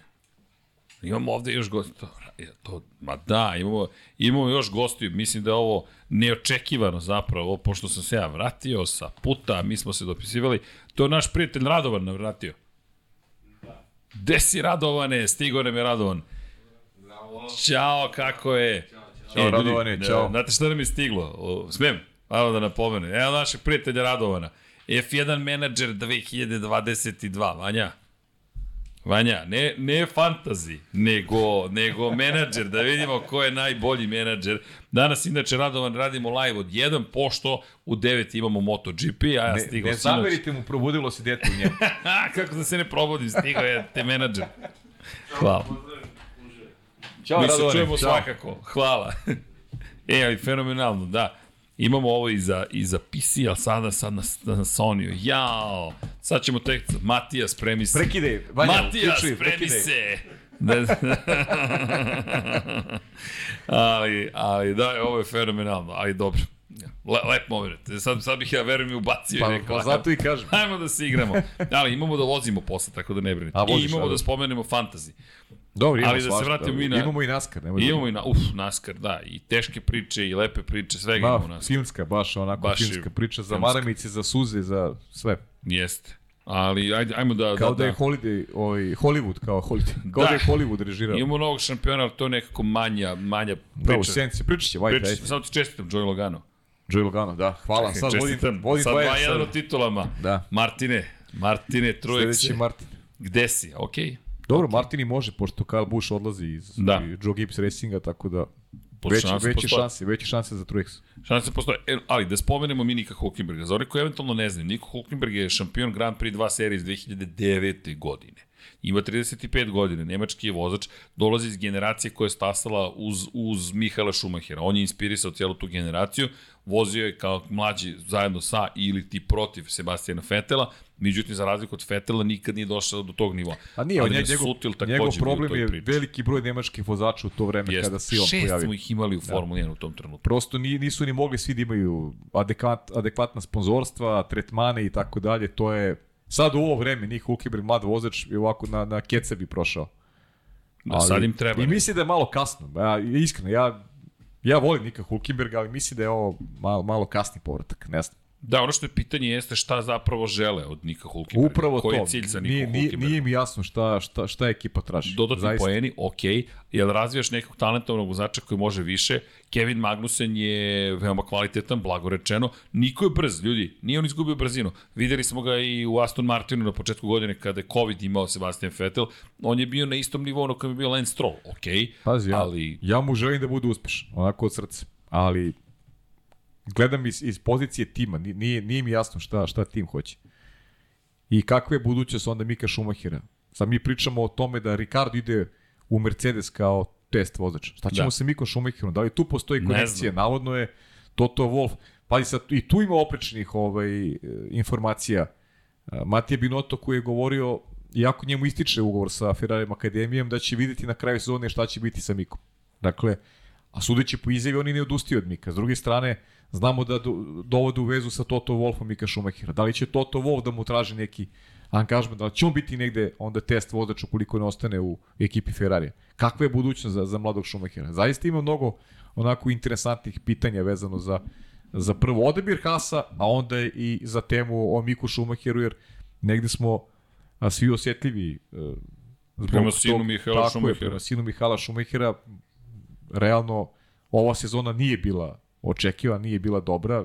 Verovali smo da će taj napredak da bude vidljiviji i samim tim pitanje budućnosti je baš otvoreno. Pazi, 35 godina ima Hulk. Dođe, vozi jednu sezonu, donese neke poene, eventualno i to je to, ali opet, da, čovjek nikad nije bio na pobedničkom postolju u karijeri. Ima jednu pol poziciju za ekipu Williamsa svoje vremeno. I To, to, je, po to je, kiši u Brazilu u svojoj jest. debitanskoj sezoni Opet Brazil, 2010. eto. Konekcija. Da, Brazil, Još konekcija, jedna apropo konekcija. konekcija. Ali to je to. Vozio je za Force Indiju, vozio je za Renault, vozio I je za Aston pouzdan, Martin budemo ove godine. u to, Jeste. to vreme Force India on je bio pouzdan i donosio poene i, i ljudi, nemo, mislim, ne smemo da zaborimo što kaže naš dragi deki, ovaj, Niko Hulkenberg je bio blizu angažmana u Ferrari. Jeste. On je dobio ponudu pre Kimi Rekoena. I on je hteo da prihvati tu ponudu. Međutim, onda je Kimi Rekoen se pojavio kao rešenje koje je italijanski tim odabrao. E, Bilo je mnogo tih, nazovi pehova, u karijeri Nika Hulkenberga, da mu se prosto neka vrata e, delimično otvorila, ali vrlo brzo se i zatvorila. Tako da, sad sa 35 godina, uz svo poštovanje i neku emociju koju imamo prema prema Hulkenbergu jer je imao neki teži put u odnosu na, na mnoge konkurente, ja stvarno ne znam ovaj, zašto je Niko odabir, odabir ovaj, Hasovog tima, da budem iskren. Eto. Ali to za sada niš nije potvrđeno. Ne, nije potvrđeno, ali, ali deluje sve da, više se da, priča, sve da. više da se spominje Niko. A sve manje Mik Schumacher. Ne znam, Audi možda jednog dana za, za, za Mika Schumachera, ali to je 2026. Inače, Daleko Valtteri je to. Bottas je rekao da želi da ostane u Zauberu do dolaska Audija. A Valtteri ima 33 godine sada. Dakle, imaće 37 kada stigne ekipa Audija. Sve teže ovim klincima iz dvojke da nađu mesto. Bukvalno. I ti sad dolaziš do, do, do, do, do generacije koju smo već polako počeli da se opraštamo od nje. Hamilton ukoliko osvoji titulu ostaje, Alonso ima preko 40, Valtteri ukoliko ostane do 37. Niko se vraća sa 35, pazi, to su već četiri vozača. Mi imamo sada petinu zapravo takmičara koji imaju preko 30 godina potencijalno.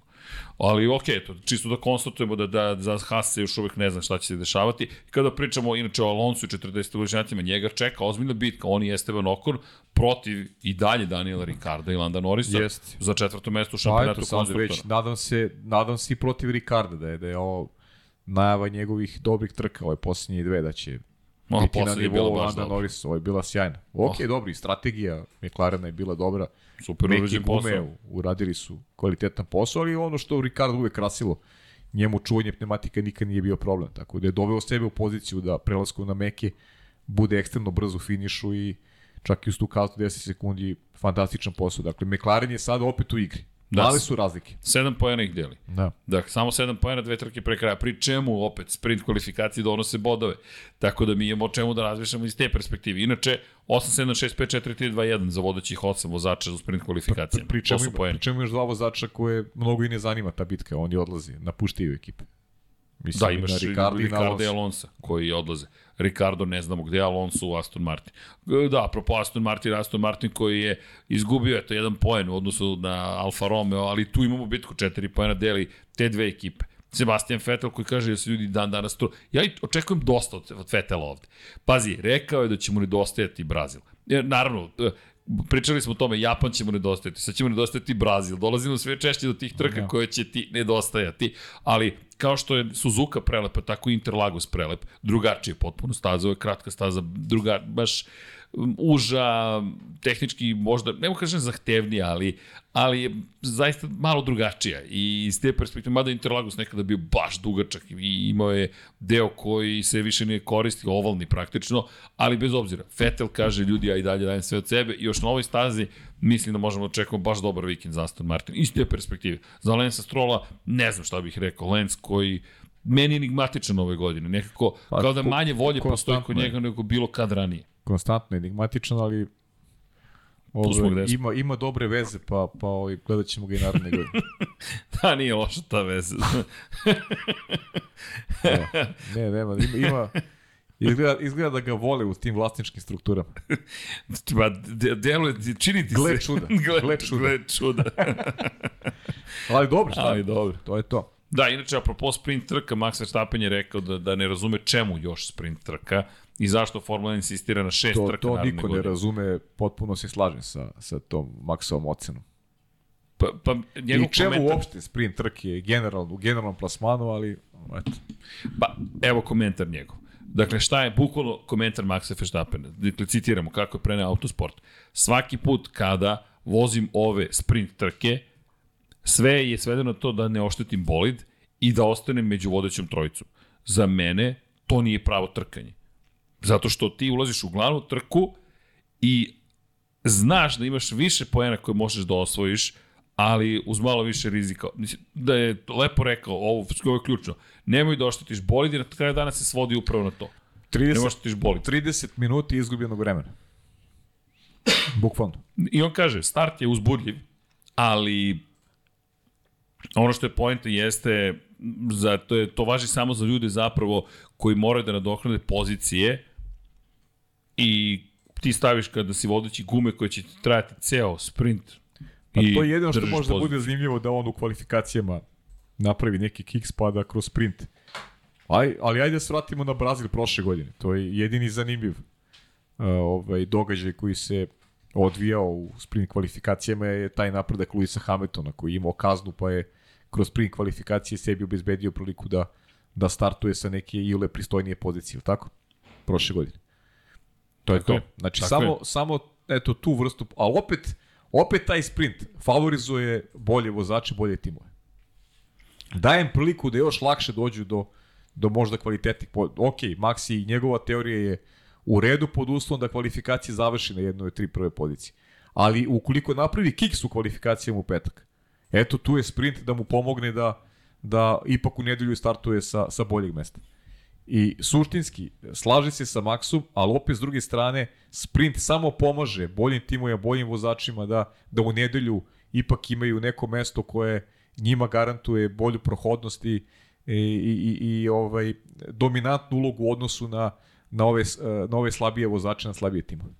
Lewis Hamilton je zanimljivo rekao, apropo te cele priče, rekao je da, što se njega tiče, postoje dve stvari – Jedna je da sprint trke moraju da se biraju na stazama na kojima je lakše preticati, jer to onda daje neki smisao celom događaju. U suprotnom, ništa se ne događa, vrtimo se, pokolno, nije rekao vrtimo se krug, to ja dodajem, ali rekao je da moraju da biraju i rekao je staze poput Interlagosa gde može da se pretiče Bakua, da to može biti zanimljivo za sprint trkanje.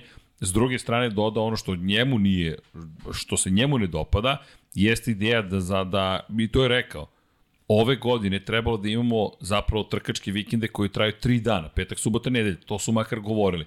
Onda su u posljednjem trenutku shvatili, uf, pa pogrešili smo. Ajmo na, nismo rekli pogrešili smo, samo su odjednom vratili na četvorodnevne, jer vi u četvrtak već imate događanje. Mi danas ćemo imati već konferencije za medije u Brazilu. trebalo je sve da bude sredeno na petak, subotu, nedelju. Ne, ti opet imaš četiri dana. I to je rekao to ono što meni smeta. A i organizatori koriste da prave neke pa manifestacije, pa, muzičke koncerte, da da ovaj zarade dodatno za na račun na račun ovaj trka tako da ne čudi me, znaš.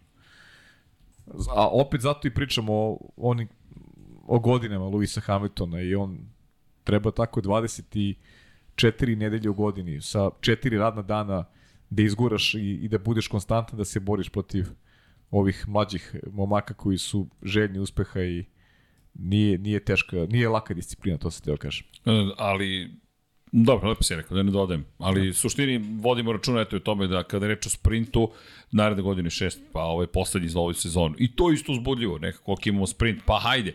U Brazilu mi djeluje logično. Moram ti priznati da posle one trke Ima možda, smisla, da. možda je to samo anomalija, to ćemo saznati ove godine, možda se samo Ali desilo znaš što prosto. meni smeta? Meni smeta što favorizuje, što favorizuje opet ove bolje timove i bolje, znaš, pre svega bolje timove. pa oni učvršćuju poziciju. I znaš šta će biti zanimljivo? Za možda sprint kvalifikacija ove godine budu uzbudljivije zahvaljujući tim bitkama za pozicije niže u šampionatu Pa konstruktora. naš u kom smislu, e, ja mislim da će nam sprint kvalifikacije, uh, u stvari da će nam kvalifikaciju u petak uh, doneti realan odnos snage jer će, jer, jer će ovi bolji moći da rizikuju. Svesti da, da mogu da isprave propuste u sprint kvalifikacijama. Jer ti na, na Interlagosu, Ferrari, pa neka završi kvalifikacije Leclerc i deseti, on će biti u drugom redu sigurno. Da, okej. Okay. Jer ne može da mu parira, ne može da mu parira u brzini, ne mogu da mu pariraju, ne znam, ni Alpina, ne može da mu parira ni, ni McLaren. Sad sam rekao Ferrari, isto to važi i za Mercedes. Pogotovo važi za Red Bull ukoliko napravi neku grešku u kvalifikacijama u petak. Zato, zato, mi, Dobro. zato mi smeta, jer, jer ti u kvalifikacijama, ako, ako bez sprinta, ako napraviš grešku, ti ćeš tu grešku, onako, skupo ćeš da je platiš. I bit će ti značno otežana trka. Ovako ti imaš dve mogućnosti da, da, da sebe dovedeš u nedelju u poziciju koja ti je koja ti odgovara da, da, da trku završiš na pravi način. Pritom, još, ti, još dobijaš i poene za, ti imaš dve trke u jednom vikendu. I samo skupljaš poene. Pa šta ovi mogu, ovi, ovi manji timovi? Pa ne mogu ništa. Mogu samo da skupljaju otpadke. I to je to. Samo pojačavaš tu, tu razliku, pojačavaš taj jaz između, između boljih ekipa i onih koje, koje su, ovaj, ajde da kažem, nešto slabije. Da, zapravo kada Me, razmisliš... meni, iz tog, meni iz tog momenta takođe smeta sprija. Pa, pazi, sledeće godine imamo šest, Šest. takvih. Da, i pazi, komplikuje priču o šampionatu sveta. U kontekstu toga upravo što je Max rekao. Ti imaš bitku u kojoj se boriš za treće mesto u sprint kvalifikacijama i umesto da kažeš idem da se borim za poziciju, ti kažeš čekaj. Ako sad pogrešim, startujem sa začelja. I onda gubimo one glavne poene. Da. Moram da vodim računa. Moramo prezni da vozim. Pa znam, ali ali recimo ako to dogodi sutra, mislim da će Max biti, da će rizikovati u, u subotu sprintu ako bude treći recimo u kvalifikacijama. Da će sprint da vozi tako da, da dođe do prve ili druge pozicije. Pa nekako mi deluje da pogotovo u ovoj situaciji u kojoj Pa se da. sada nalazi da će reći ok, idem da se trkam. Pa i prošle godine su se trkali za titulu šampiona dobro, sveta, da, baš je bilo žestoko. Prošle godine je bio ulog, da. Da, baš je bio ozbiljan ulog. Ali, opet, apropo sprinta, ja bih samo uživao u ovogodišnjem i rekao, ok, ajde da vidimo šta će biti sledeće. Ali mi se sviđa kako razmišlja Lewis Hamilton apropo toga da zapravo se vozi na stazama na kojima preticanje je mnogo jednostavnije. Jer to onda nekako zaista dobije, neki smisao dobije. Pa, Ima dobija, šanse. Da, dobija Nešto smisao, može se desiti. A, a opet se vraćamo i na ovu moju Slažem priču. se, slažem se. Ne, U, ali uvek će biti tako. Zamisli, znaš, osvoji Lando na Interlagosu sledeće godine osvoji pol, ili sad osvoji pol. Mislim, bude prvi u kvalifikacijama. Pa on će da izgubi u sprintu, statova će peti vjerojatno u trci. Znaš, kako si ga nagradio sa tim osvojenim polom? Tako Nisi. ćeš sutra već da mu daš jednu trku u kojoj će on te pozicije da izgubi. Da, to je super Jer- zapravo jer ubijaš- za pažnje. Ti ubijaš- ubijaš zapravo nekoga ko bi mogao da jednim briljantnim krugom promeni neke Tako stvari. je, da nešto promeni ili, ili da, da neko svojom greškom utiče na to, dobije malo drugačiju dinamiku trke. Jer sad imamo jedan drugi moment takođe, mislim, kad pričamo u svetlu onoga što se dešavalo i prošle godine. Šta bi bilo sa trkom u Brazilu da nije bilo sprinta? Usled kazne koju Mercedes imao. Da li bi, Šta su, bi bilo? da li bi, da li bi su mi u Abu Dhabi imali ovaj, borbu za šampionsku Pa, titulu? Pitanje je da li bi Hamilton imao dovoljno vremena da pobedi. Prvo to. Da li bi do tada već pobegao dovoljno Prvo to. Max Verstappen i, i sa začelja Hamilton bio došao do, ne znam, treće, druge pozicije. Možda u završnici, ali i to bi bilo veliko pitanje.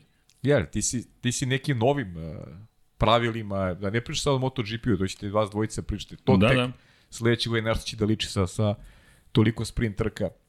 Jer ti si uveo novo pravilo u takmičenje i znaš, sa tim, sa tim poenima iz ovaj, iz sprinta i sa pozicijama koji si nadoknadio, ti dobijaš neku priliku drugačije vrste u odnosu na, na, na kaznu koju si zaradio. I si dobio dve trke jednog vikenda. Da tu kaznu poništiš. Da, sad sve zavisi u kojoj si poziciji. Sve zavisi Pa da. toga gde se nalaziš, u kojoj si poziciji. Na primjer da je bilo obrnuto, se, to jest Maxu tad nije odgovaralo, ali odgovaralo bi mu da i on jurio Ne, Luisa ne, ma, Hamiltona. ne, ma nebitno ko je. Da, ne, ne, znaš, ne, ne, nebitno ko samo, je samo razmišljam o tome, samo je pitanje pozicije u kojoj se nalaziš, da li će ti nešto po, prijeti ili Potpuno ne. nebitno ko je, ljudi, nemojte sad gledate to navijački, nego Ne, ne, pričamo ne, ne, ne, samo, čak ni mi ne palo na prosto je, pa ne ti, nego, Samo- znaš, uh, Da neko ne ko to sluša, da, ko to sluša ne misli da sad nešto se navlači na jednu ili drugu stranu, nego prosto sad pričamo hipotetički kako će stvari da se odvijaju i sledeće godine, znaš. Ali dobro, eto, to je, Dobro. nama se ne Hmm. sviđa, nekom se sviđa, Ma vidi, znamo šta je ideja, ali Sve- to što, to što je ideja, što je prvobitno bila ideja, u praksi nije zaživelo kao Ma- nešto što daje neku dodatnu ali uzbuđenje. Pavel lepo si rekao, od svih sprint trke koje, koje pamtimo? Evo da vas pitam, koje pamtite sprint trke? Sprint kvalifikacije. Jel neko pamti neku iz posebno? Ja pamtim samo Brazil. Samo radio. Samo Brazil. Bukvalno, to je Da. jedina koja se pamti. Sve ostale, bile, prošle, vozili se... Ja se sećam prve, a nad po čemu? Po čemu? Pa znam ovo sam zaspao u kabini.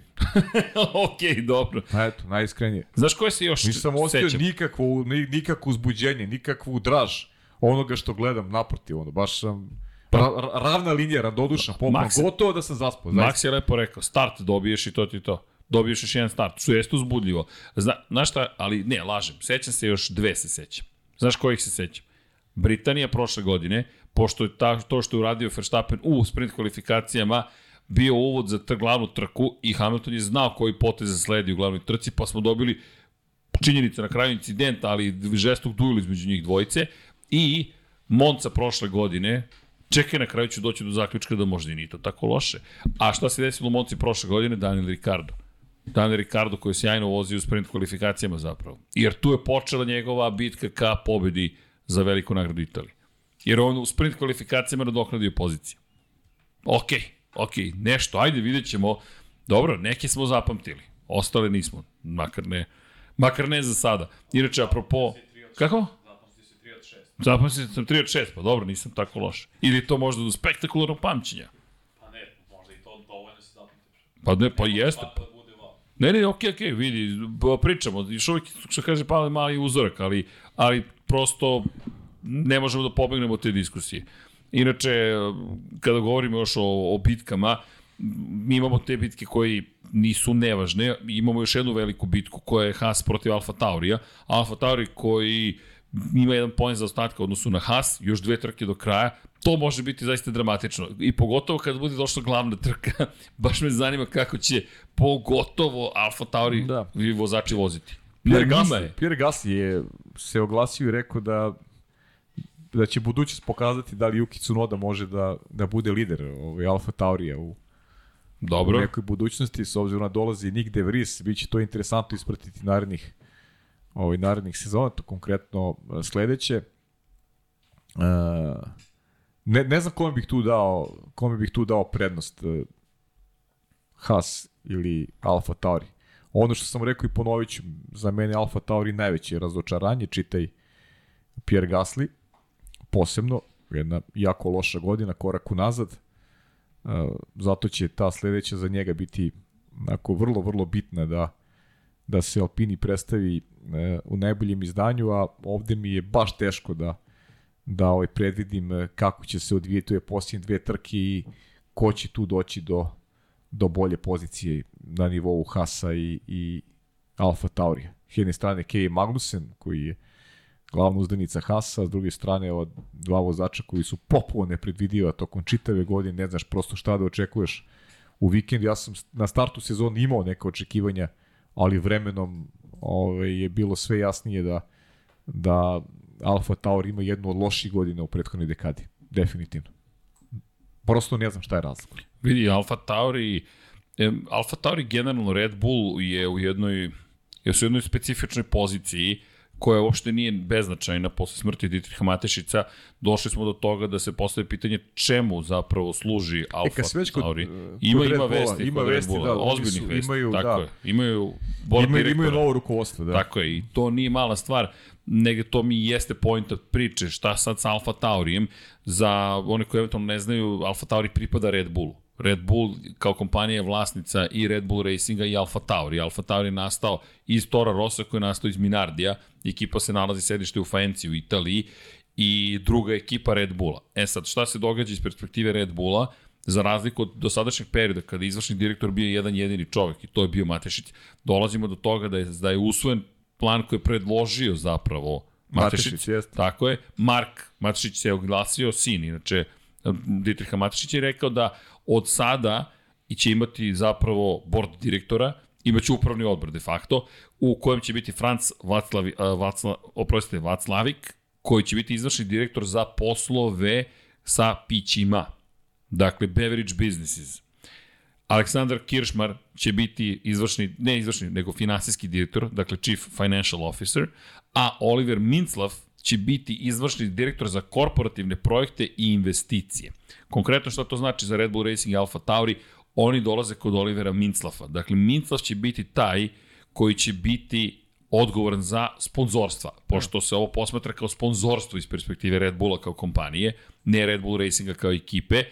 E sad, još jedna bitna stvar u cijeloj priči Kiršmar. Zašto? Zato što izvršni direktor želi nešto. Ko daje potvrdu da li ćeš dobiti budžet ili ne, iz finansijski direktor. Tako da Kiršmar se takođe pita i bit će vrlo interesantno vidjeti šta će se događati konkretno sa parama koji idu u Formulu 1. A generalno šta će se dešavati, ljudi, to možda bude vrlo, vrlo osjetljiva tema u budućnosti, jer znaš kako, to je koliko ima, ima, ima mesec dana, nema ni toliko, Nema ni kako, toliko, kako nas je tako je. napustio Dietrich. Sada te neke, neke njegove želje, ideje se, se sprovode, ali kako će to biti u budućnosti, to je, to je veliko pitanje. Ne znam. Zaista ne znam. Imaju, imaju šampionski tim, imaju, imaju sve predoslove da, da to ide u nekom dobrom smeru, ali mm, nije to tako izvesno kao što je bilo u, u vreme čoveka koji je napravio ozbiljnu imperiju i ono što smo govorili, šta je razlika između Dietricha i mnogih sličnih njemu, što je on čovek eh, znao kome treba da veruje i prepustio upravljanje uh, ekipi koja, koja je znala kako da taj novac koji je dobila da, da pretvori u jedan, jedan brand. Evo, danas pričamo o najboljim timu u, ša- u šampionatu Formu 1. Ali isto tako znamo, istorija je pokazala da mnoge, mnogi uspešni projekti su znali da i prestanu da budu, jer, jer su na čelo određenih kompanija došli ljudi koji nisu imali dovoljno razumevanja i a, da kažem i logike i, i nekog realnog pogleda naspram onoga što što po, što taj projekat čini toliko dobrim. I Pazi sad ovo. pitanje, opet dolazimo do Minclav, faktor čovek. Je- pa evo, Minclav je čovjek koji je inače bio predsjedavajući izvršnog odbora Leipziga. Dakle, Jeste. to je Fudbalski klub. futbolski klub iz Da. Bundeslige i kada govorimo o tome, neko koji je u sportu, Dakle, čovjek je koji je bio i zadužen za to da praktično Leipzig dođe do Bundeslige 2016. godine. I još jedna bitna stvar, čovjek je bivši sportista, inače polumaratonac i čovjek koji je trčao na 10 km. Tako da neka ta veza postoji. Da li je tu dovoljno jaka veza? Nemamo predstavu. To ćemo naučiti.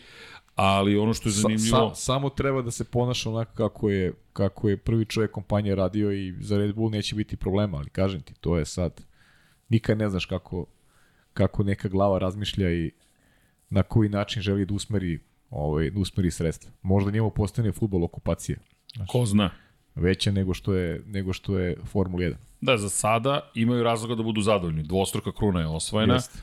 Počeli su radove na tome da postanu proizvođači motora. Ja iskreno sam skeptičan po tom pitanju tog programa. Ja i dalje verujem da će ta vrata koja su otvora, ostala otvorena ka Hondi biti zapravo iskorišćena, da će proći tim putem, ali Horner rekao, budućnost je za sada već postavljena i ono što je osnova koju, smo, koju je postavio Dietrich Matešić, s obzirom na činjenicu da 2026. postajemo proizvođači motora, za sada sve funkcioniše kako treba, imaćemo isti duh kao i kada smo postali proizvođači šasija. Tako da veruju da to neće uticati na, na sam Red Bull Racing Ja i dalje, kao što si lepo rekao, ću da budem strpljiv, da obojica Moram, sačekamo. pa ne, nema drugi. Jer, pa to iskustvo nas naučilo. Tako je, jedno iz, se... iz mnogih, pa iz mnogih sfera, pa Koliko puta pa kažeš, srđane, jedno je šta se priča javno, drugo Ma je šta da. se zaista događa i to važi. To ne da važi, nego... Pa to smo i doživjeli Tako je. ovaj, u svojim nekim karijerama novinarskima i život je prosto takav. Ne treba niko da iznenadi ukoliko ono što je onako u javnosti ovaj, apostrofirano kao da će se nužno dogoditi da, da dobijemo su, drugačiji epilog. Jer kažem, ovo su sada i dalje suviše sveže, ovaj. Dietrich je otišao, napravio je zaista neverovatne stvari čovjek napravio za svog života. Svi sada hoće da se potrude da pokažu kako idu tim nekim njegovim putem, da je on imao želju da firma uh, ide kako, kako su sada stvari postavljene, ali uh, pitanje je šta će biti za šest meseci, godinu dana. Pa vidi, za, za automotorun sport je Mark Dr. Helmut Marko, čovjek koji je zvaničan savjetnik u Red Bull Racingu, rekao vrlo jasno, ljudi, Red Bull je de facto bila autokratija, dakle to je bila tako organizovana kompanija, ali Red Bull, a meni ovo delo je iskreno kao već sada čuveni pitch ili ti kao da smo na tenderu. Jer šta, šta sad, ti javno sada poručuješ u novom upravnom odboru šta si ti i gradiš priču da dobiješ podršku javnosti. A rekao je, Red Bull Racing je najjača promotivna alatka koju imate.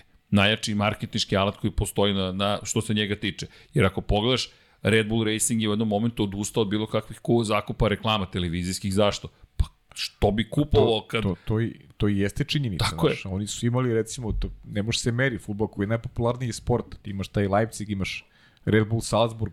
To su, to su nisu franšize koje ti, koje ti daju slavu na svetskom nivou. Znaš. Drugo, znaš koji je proces bio, izvini, pa ti znaš, pratili smo, da nešto što je bio neki tim, mi zovemo Red Bull, a da nam ne bude čudno što nešto što je energetsko piće postane Tako je. ekipa. Sada, 15 godina kasnije, meni, da što se meni dešava u MotoGP-u, ja KTM-ov fabrički tim, uporno zovem Red Bull KTM, kao da Red Bull nešto proizvodi, a nije samo sponsor.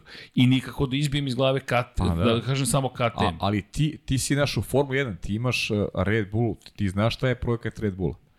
A ti recimo u futbolu, kažem, najpopularniji sport, uh, mnogi danas ne znaju da iza Salzburga recimo stoji Red Bull. Pa, Pa ne znaju i da iza Leipziga stoji Red Pa Bull. to ti kažem, To samo znaju oni, samo znaju oni koji nešto malo i, imaju interesanja pa nešto kao prate. A ovde jasno se zna ovaj, Red Bull na svetskom nivou, najbolji tim Formula 1. Znaš, dođeš do tog nivoa. Pričali smo o toj istoriji, kako smo i ti ja doživljavali od momenta kad su se pojavili. Pa, ja, ja vrlo dobro razumem Fernanda Alonso što nije želeo da idu u Red Bull u vreme kada je dobio poziv. Znaš, ti, Jasno. ti si šampion Formula 1, zovete Red Bull.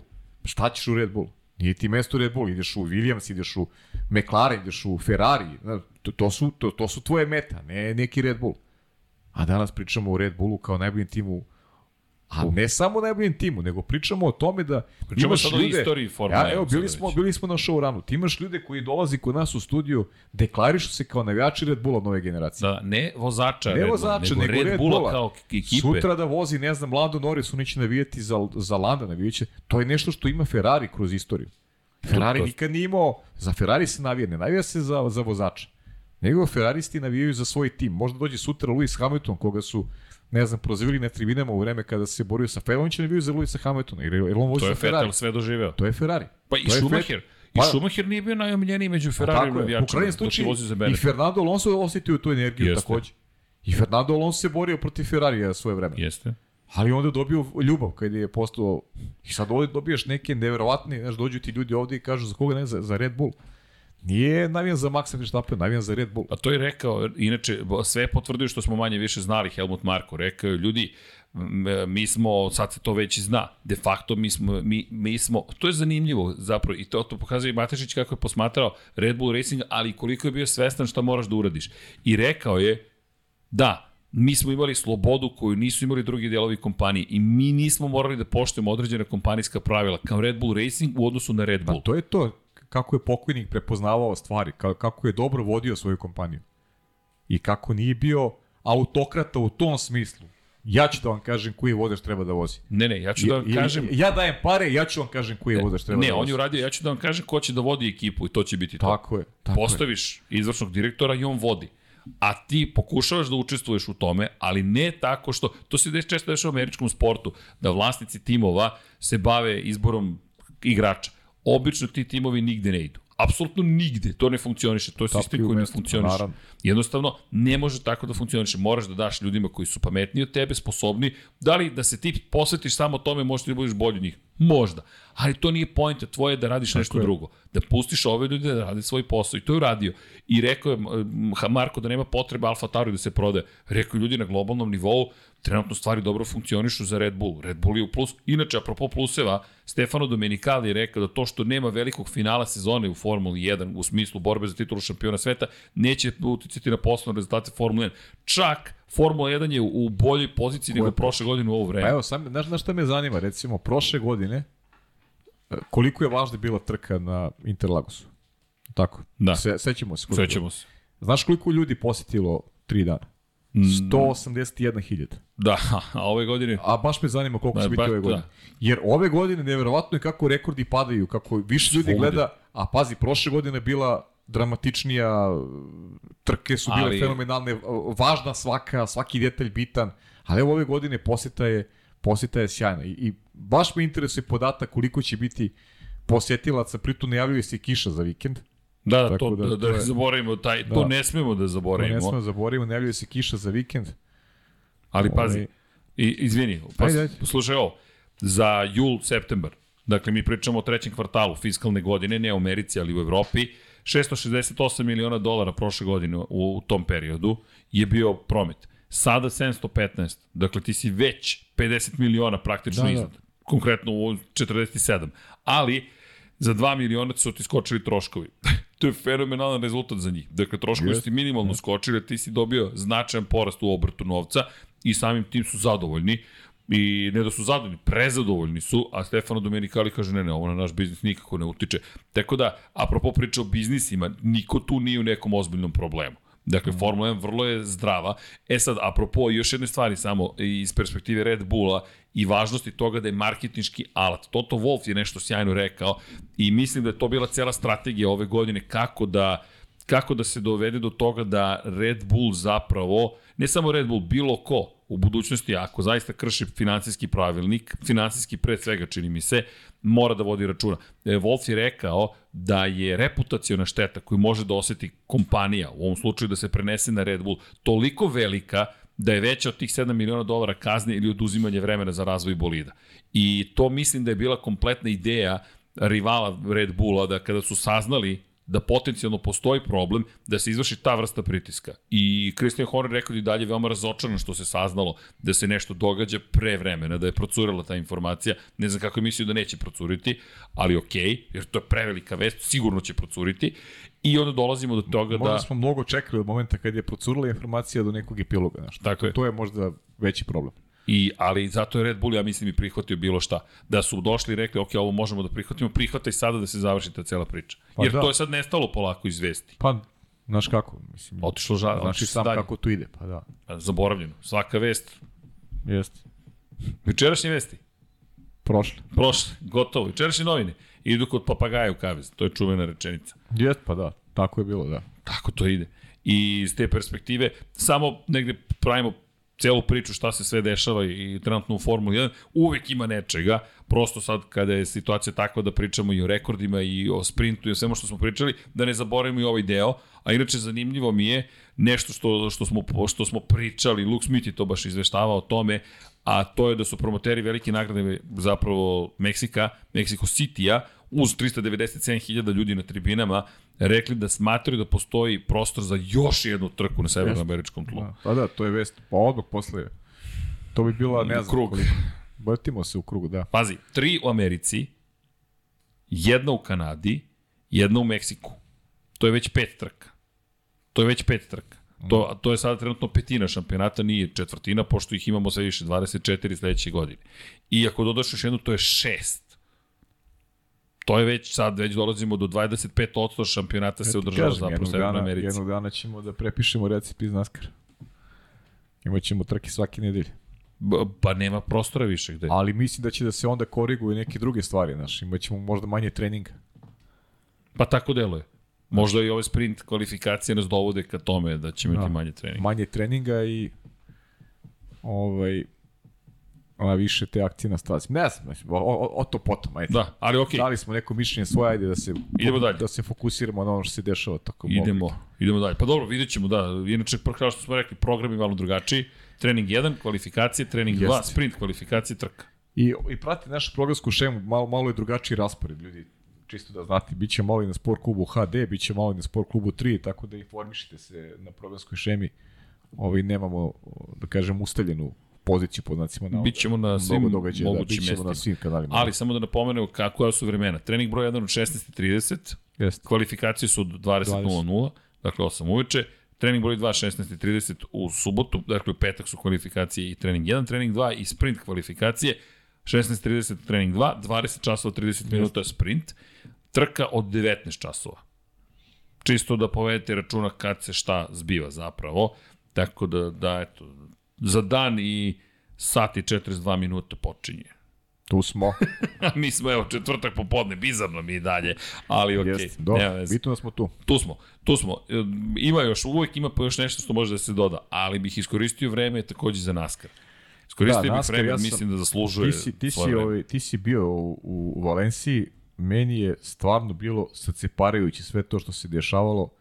Ovaj, neverovatno kakva tragedija je opet zadesila Joea Gibsa. A, njegov unuk, a, taj je postao šampion u subotu a, Xfinity serije. I momak je trebao da se pojavi u glavnoj trci u, u, u nedelju, da to bude neka uvertira u njegove, e, njegove, ovaj, njegovu budućnost u Naskaru. Međutim, e, Tajov otac, a, Joe, sin, koji je preminuo u snu 8, 8 sati kasnije. I e, sjećamo se 2019. godine, ti ja smo tada intenzivnije radili kada je, Jeste. Kada je Joe Gibbs ostao bez starijeg sina Jasona, to se dešavalo na početku 2019. To je bila najbolja godina Joea Gibbsa u, u, u Naskaru. I ono što je zaista neverovatno i Jason i koji su premenili u 49. godini života. To su, to su jedino dvoje dece koje, e, koje ima Joey Gibbs.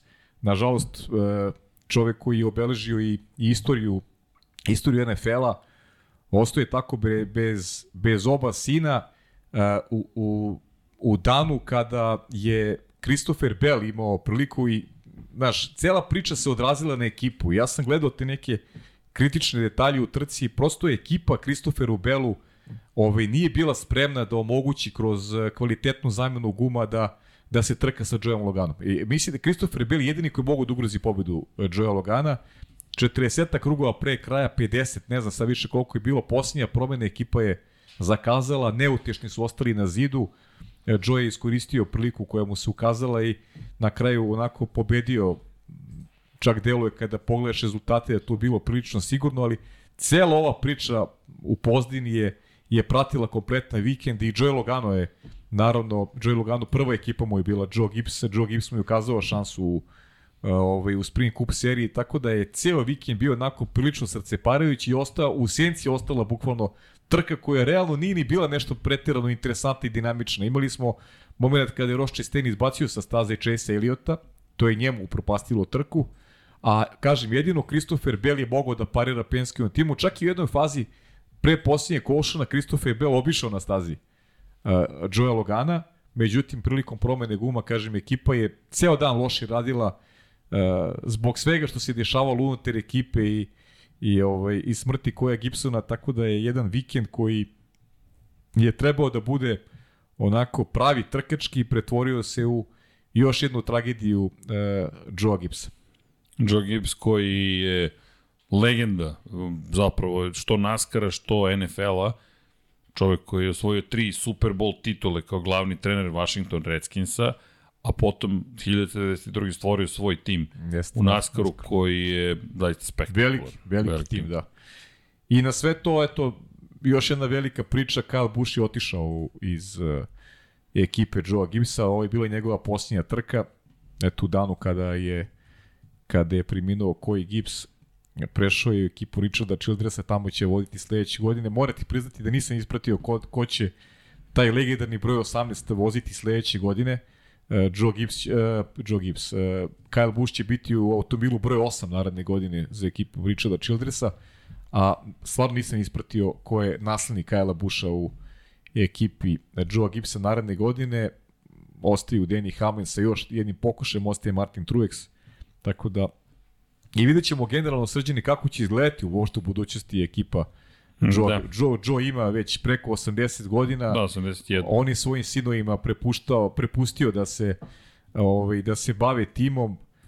Ostao je Bay Jasona 2019. Sada je preminuo i koji taj Gibbs koji ima zaista lepu perspektivu i gledat ćemo ga naredne godine u Spring Cup seriji, ali šta će biti sa ekipom, u kom smeru će se to odvijeti, zaista je, zaista je teško predvidjeti.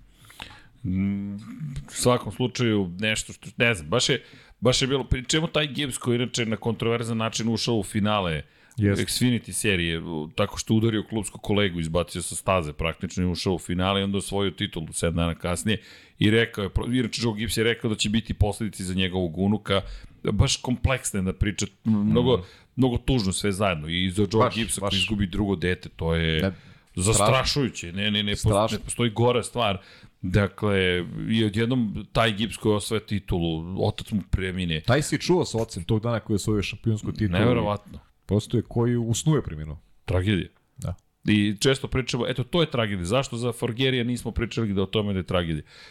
Da što čovjek proživao jedan ozbiljan život i došao do neke duboke starosti koji Gibbs jednostavno Pa eto, i Joe. Joe Gibbs je u nekoj, da kažemo, dubokoj Starosti, starosti, a- a sahranio je oba sina u, eto, u roku od, od tri godine. Tri godine. Bukvalno. Katastrofa. I zaista se ono kad je Jason, to smo pričali, kad je te godine kad je Jason preminuo, to je to, to se dešavalo u januaru mesecu pre, pred početak sezone. Da. O, to je bila najbolja godina uh, ekipe, jer se ekipa negde ujedinila i, i tad je Kyle Busch osvojio titulu, a imali su i Martina Truexa u finalu i Denija Hamlina. Uh, tri vozača Joe Gibbsa su bili u velikom finalu te godine, a Kyle, Kyle osvojio šampionsku titulu, zaborio sam ko je bio četvrti, možda je baš Joey Logano bio četvrti, ali nije, nije toliko ni važno. Eto i o, ove godine je preminuo koji i baš je neizvesna budućnost uh, neizvesna budućnost ekipe. Prosto kad Tragedija. nestane, treba bukvalno tragedija. Kad, kada dođeš u situaciju da ne znam, da, da čovjek koji je osnivač, duhovni vođa tog tima doživlja takve tragedije, baš je teško. Jeste. Inače, za broj 18, ja koliko znam, nije niko određen. Ali Moguće, da, moguće. Ja nisam nisam- video da, vest da je to moguće, nešto promenjeno, moguće, jer zato je tu bilo dosta priča oko toga ko će uh Oni su imali baš puno problema i suspenzije ove godine i inženjera glavnih i Jeste. tako dalje, tako dalje. Baš teška sezona za Joe Gibbs. I naše saočešće svakako porodici, ali nema nešto što možete da kažete za, za, za, u toj situaciji, pogotovo to kad izgubiš decu, to je katastrofa. Zaista A katastrofa. eto i malo, ajde da se da, da malo ovaj kažemo koji u šampionu Joey Logano drugi put. Ono što je interesantno, uh, Joey Logano je sada uz Kajla Busha jedini višestruki šampion od aktualnih vozača. Znači njih dvojica imaju po dve titule, niko nema ovaj više od jedne od ostalih i Joey Logano je prvi vozač od eh, možda najboljih svih vremena. Ovaj, mnogi će reći u Americi da je David Pearson najbolji vozač svih vremena u NASCAR-u. On se povukao u jeku dominacije koju imao. Prvi vozač Forda koji je osvojio dve titule još od Davida Pearsona i 68. godine. Dakle, 69. je poslije put David Pearson postao višestruki šampion Forda, tako da i Joey Logano ulazi u neke istorijske knjige. Bio je sam uveren osvojio pol poziciju za vikend.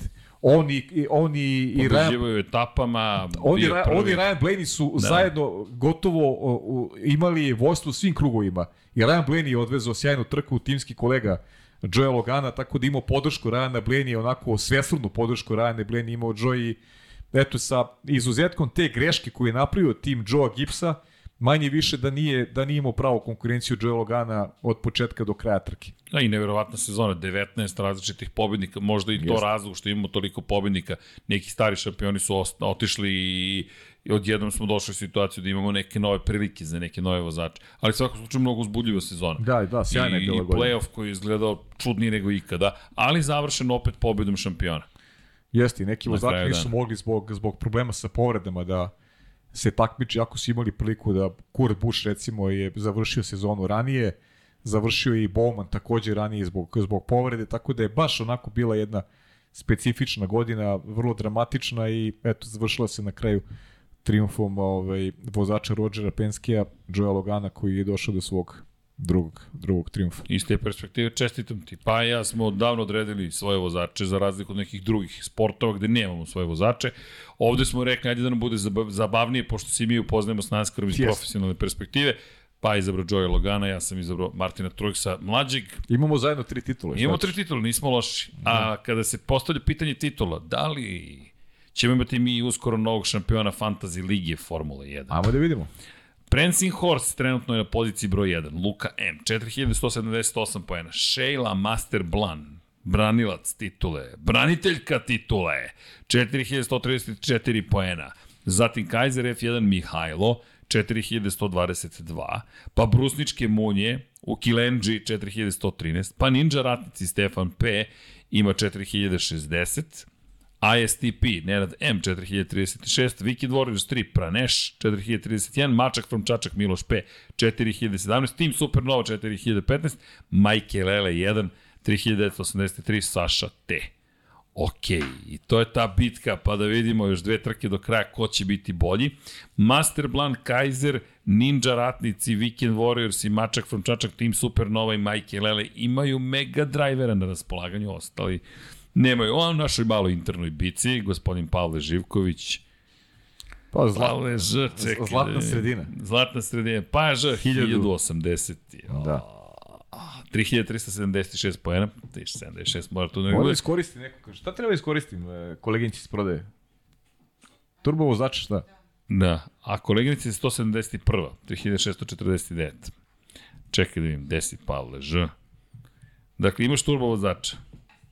Možda je ovo trenutak da iskoristiš turbo vozača. Možda je, možda je trenutak da Možda. iskoristim turbo vozača. Samo primećujem. Dobro. Ja nemam turbo vozača, ali dobro, to nije ni bitno. Si ga iskoristio, jesi? Da, ko zna, nekad verovatno. Nekad, vjerovatno. Pa to tako ide. Dejan Potkonjak, da imamo gde je. Uh, Team 3. Ima mega drivera, trenutno je 2650 i 3039 poena.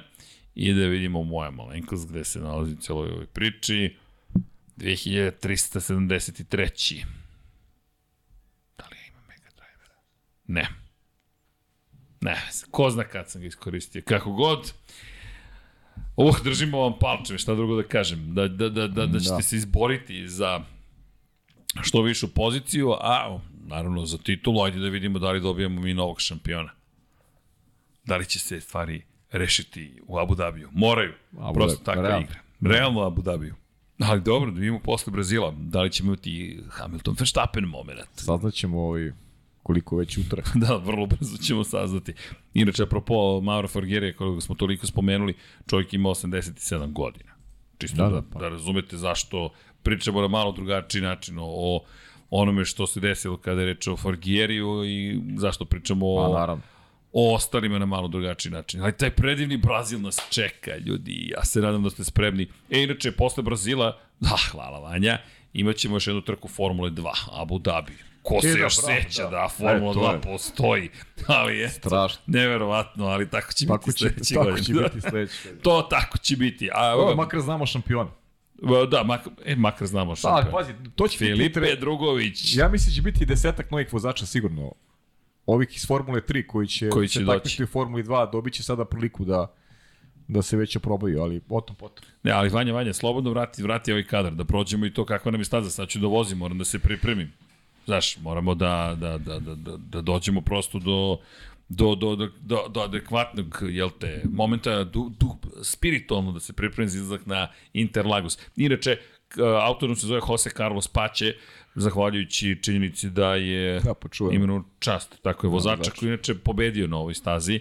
Dakle, tri Brazilci su pobedili na prve tri trke, inače, nažalost, preminuo je nevjerojatno taj jedan period koji, koji smo imali, Paće je poginuo u avionskoj nesreći i to dve, dve nedelje posle Toma Prajsa i Jansena Van Vurena koji su stradali na velikoj nagradi Južnoafričke republike, baš je bilo, baš je bilo teško u njegovu čast u svakom slučaju, ovo predivna staza, dugačka je 4309 metara, 71 krug nas očekuje, jao, Vanja, čekaj, 71 krug nas očekuje, šaljem ti nešto na Slack ovog sekunda, nastavit ću ovo da čitam, ali ovo moraš da prikažeš posle ovoga, jer je ovo spektakularno. Zaista. Evo, uploaduju se, ja se nadam, pa ako kada prođe, idemo dalje. Jo, molim te, ubaci. Zatim, Da, rekao staze drži Valtteri Bottas iz 2018. minut 10 sekundi i 540 hiljitih delova sekunde. Inače, staza, kada govorimo o izboru guma, će mi videti C2, C3, C4, dakle, tvrdice će belom bojem naravno obeležene biti C2, C3 će biti srednje tvrde, žutom bojem obeležene i meke crvenom bojem obeležene C4. Dakle, ne najtvrđe niti najmekše kombinacije, imamo standardno tri sektora u kojima merimo vremena, kada je reč o prijanjanju na nivou, na lestvici su broj 3 od 1 do 5, što se tiče kočenja trojka, što se tiče opterećenja guma trojka, što se tiče bočnog opterećenja trojka, što se tiče razvoja staze, šta to znači? Dakle, staza, ubrzavanje staze od prvog do poslednjeg treninga, četvorka od petice, to znači da svaki sledeći trening će biti sve brži, brži, brži, brži. I staza se koristi, ali takođe dosta i nije toliko upotrebi koliko na nekim drugim mestima, ali ono što je činjenica jeste da se relativno brzo opere uz kiše, pitanje koliko će se napredovati, prijanjanje asfalta je na nivou 3, abrazivnost asfalta ili ti uticaće na potrošnju guma je četvorka i negativni uzgon koji je neophodan ovde na nivou broj 4. To je priprema, jesi pripremio ovo? Ste zapamtili broj krugova? 71. I moram da kažem, Dan Engine Mode 11, koga ne prati, neka ga zaprati. Ferrari... Mislim da su naprave grešku Interlagosu. Mora da produže trku iz još pet krugova. E, slušaj sad ovo. Znaš, Da, na 76. Pa Ferrari je nešto slično učinio. U svojoj najavi trke je izbacio da će trka trajati 74 kruga. I Dan iz Engine Mode je postavio pitanje da li, je, da, li, i, da li postoji nešto više što liči na Ferrari osim da pogreši broj krugova koji će se voziti u trci, ali otvoru pa, neverovatno. on, oni će možda voziti, ko zna. Ali čekaj, zvanični nalog Ferrarijevog tima pogreši broj krugova koji se vozi u trci. Ja, pre, ja moram pišem ovima da, da produže na, na, Na 76. Mislim da je to Ali- realna priča. Ali potpuno nevjerojatno, gledam, čitam i ne verujem. Razmišljam, da li je moguće da su promašili. I još jednu stvar što ću morati da uradimo ti ja. Morat ću pišem opravdanje, ovde se kasnije u školu. Si se u školu? Opa. ok, realno, kaže Vanja. Pa realno, pa realno. Neću ni da pitam Vanja. Znači, slažeš se da pišemo taj apel, a? Ja, pa apel 70, da pišemo Ferrari, stavite 76 ljudi, ako već mašite broj krugova, makar da bude kako To bi, treba. bilo, to bi bilo fenomenalno da su promašali. Čekaj, ne mogu da verujem. Pa mogu bi da imaju opravdanje. Onda, znaš, 76, zato što mogu bi slušaju Lab opravdanje. 76, Ma da, tako je, i onda tako je. su se Tako je. zbunili, znaš, ono, u slušanju su pogrešili ovaj. Ja, Ovako, za 74 nemaš ih opravda ništa. show. Ali pravi, apsolutni show. Ali dobro, eto, držimo im palče. Možda su računali sprint kvalifikacije, ne znam, možda. Ko zna šta su mi Ko sabirali. zna šta su sabirali. Ko im je sabirao? Ko im je sabirao. Izgleda ovaj taktičar, on im je sabirao. Možda je Matija u social media tim otišao. Ne, ne, ovaj taktičar, ovaj španac, on je sabirao očito. Ajde, i On, Rueda. on je majstor, Injaki broj, on je majstor za taktiku i za brojeve, očigledno. Ajde, vidjet ćemo. U svakom slučaju, nadam se da znaju koliko ih krugova čeka da su popravili stvari do, do, do same Mo, trke. možda on priprema neku specijalnu taktiku u 73. krugu. Tad ih sve iznenađuje. Tad. Zato Binoto je planirao 25. trci da iznenadi. Da. Ja, Binotova trka, te se trka pre kraja. Što mi ne bismo pobedili u svim ostalim trkama? Jeste. Što Red Bull, zato možda, ali dobro. Da, slučaju, e da, čekaj, da vidite kako izgleda i kada vozimo e, Interlagos. Opa. A, hoćemo? Si spreman, ajde. Da, ne znam da li ima ikoga, pa da, da li ima nekih pitanja, da li ima neko, neko Ja pitanje. nemam, imam samo konstatacije. Vanja, ako ima neko pitanje, prenesi pa i dok ja se Bor, prebacim. Boris, Boris Trutin je ovaj Da, zadužen i za početak da. udarite like i udarite subscribe i ispratite šta se događa na Da, kanalu. kaže Boris, možda će ne- novi menadžment Red Bulla da proda ovaj, ovaj Alfa Tauri Andretiju. Možda, Boris, zaista. Ko to zna? Eto, to je jedino što smo dobili danas. Tako da ovaj termin od 13 sati mislim da će ostati ovaj upaćen kao jedinstven Po, broju, po malom broju poruka. po malom broju poruka i nećemo ga ponavljati.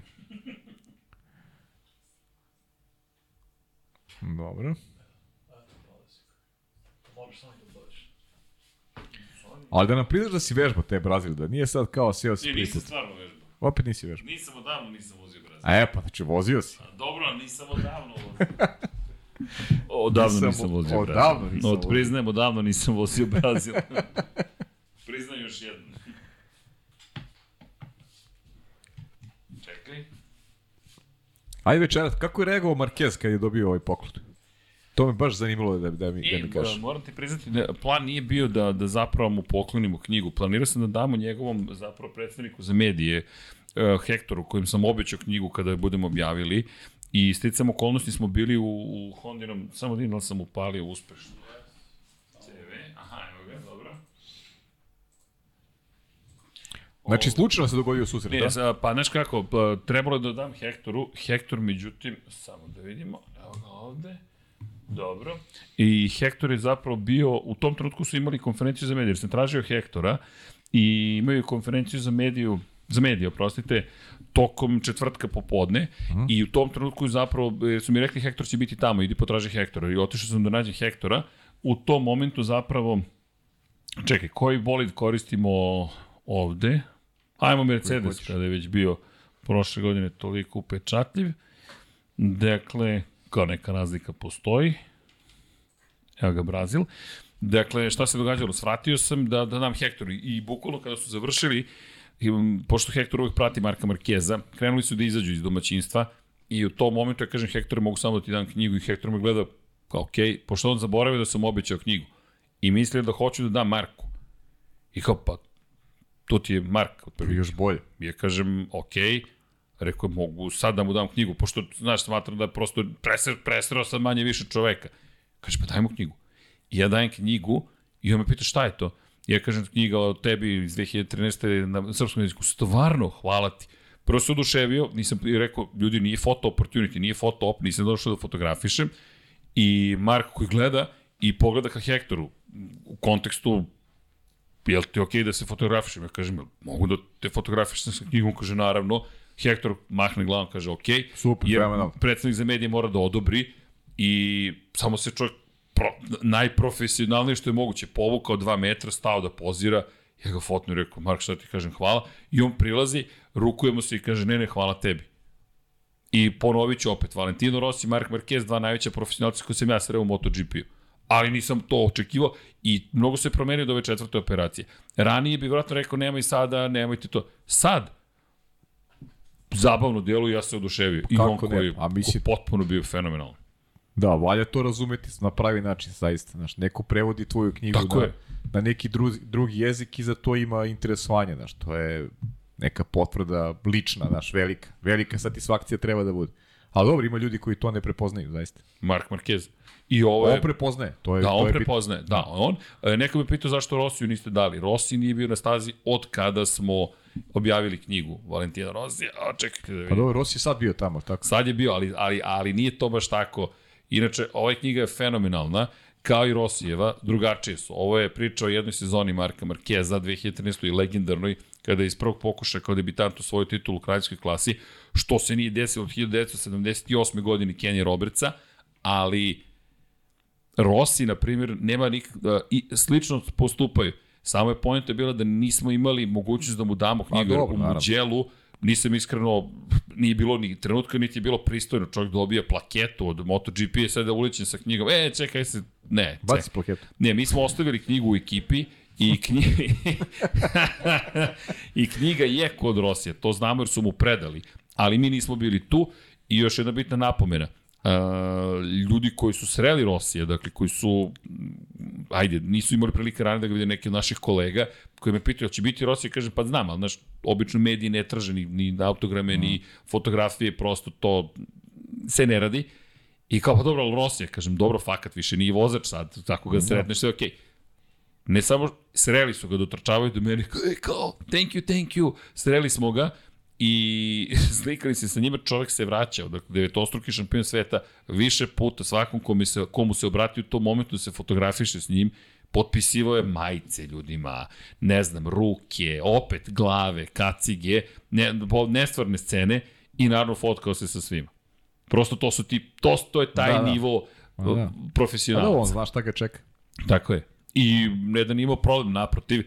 I, i naravno, i imamo govore dakle su iz koje zemlje i, ljudi koji naravno uživaju u tome da kao što si rekao, sa nekih različitih mesta na planeti Zemlji, koje možda neki kolege prvi put su tu, pitaju te šta sad da radim, rekao, ček ti pokažem, jer nemaš uputstva, znaš i sam, dođeš prvi put na, na utakmicu, Nema upucva gde ideš, gde je slačionica, gde je ko, gde su igrači, šta smeš da pričaš, s kim možeš da razgovaraš, šta od koga da tražiš. Tako da je bilo, baš, baš je bilo zanimljivo i svaka čast jednom i drugom. A Da. mi srećni što čovjek pristao, pristao, nije to bio ni plan. Ali sad imam plan, ako sretnem Rosija, čekaj, imamo, ima da nosim knjigu u rancu. Ti ti dođe vam. ti, ti, ti, ti. Ti, ti, evo žuta knjiga za tebe.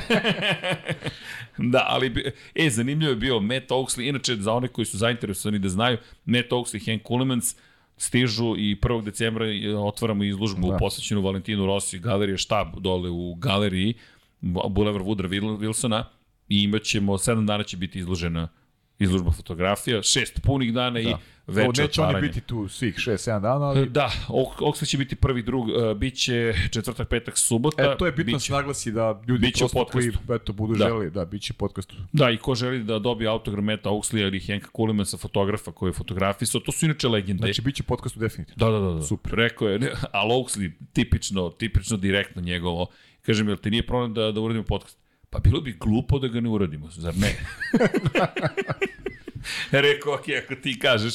I Henk Kulemans, inače, a, a, kada budete, ako dođete na izložbu, vidjet ćete neke od ekskluzivnih fotografija, imate ih i u knjizi, posvećenoj Valentinu Rosiju. Sve knjige možete kupiti shop.infinitylighthouse.com i da, apsolutno je to nešto što, što, što nas čini mega srećnim i jeste podrška za nas, ali nije to čak pitanje samo podrške ljudi, to je deo kulture. Dakle, sada pričamo, ja ponekad sam stiljiv suviše, ali bukvalno sam stiljiv zato što ne želim da ističem šta smo sve uradili, ali istići ću, uradili smo mnogo toga. I knjiga o Seni, i knjiga o Schumacheru, i prevedena jedina autorizovana biografija o Kimi Raikkonenu. Dakle, to do sada niko nije uradio. Ni o knjiga o Marku Markezu, ni o Valentinu Rosiju. To je ono što Infinity Lighthouse radio. Svi koji su ovde ušli, prošli, što kao zaposleni, što kao gosti, što kao prijatelji, što kao poznanici i baš sam ponosan. I da, možete da potražite shop.infinitylighthouse.com, udrite like, udrite subscribe i dalje, bez vaše podrške stvari ne postoje.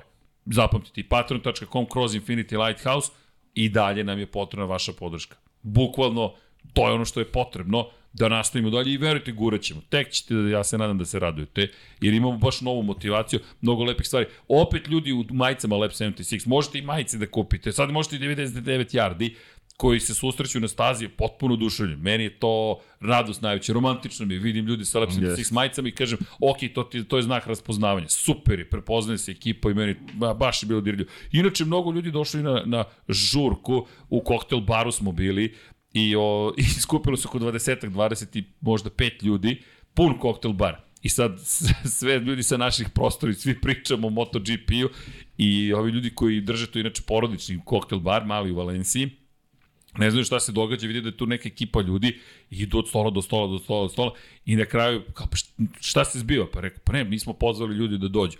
I idemo, ajde da se fotografišemo, jer odjednom puna, puna kuća u subotu uveče. Puna kuća majice. Bukvalno. A ne samo to, i kokteli se, sad to njima pozitivno za posao. Mi nemamo nikakve veze s ljudima, mnogo su bili dragi samo. I onda, pošto je porodični biznis, bilo mi baš drago. I tako, tako su to lepe priče. Neki mnogo ljudi smo upoznali, ne zamerite koliko se neko nisam stigao da se javim, ljudi, mi, mi bukvalno radimo. To ono, neko me pitao si se lepo proveo. Razmišljam, jesam, ali možda ne nužno kako pomisliš na, na, na, na, na keca. Mi A da, ustanemo... to, nas, to nas prati kroz, Tako je. ovaj, kroz posao, znaš. Al- To je prva asocijacija, ovaj, kad negde otputuješ poslovno, Da si se zabavljao. kako si se proveo lepo, znaš. A ti ustaješ u pola jesam- sedam, ležeš Jesam, u ponoć. jesam isto kao i ti, tokom radne nedelje. Tako je. Ali, Ako provod smatraš poslom, okej. ne, lepo je što ste na stazi, niko od nas se- ne žali. Ne, niko se ali, ne boji, naravno. Ali, ljudi, Imaš obavez. ali ti, ti ne možeš oko da sklopti, bukvalno ti imaš toliko A obaveza. mi smo se i sad lepo proveli isto. Tako je.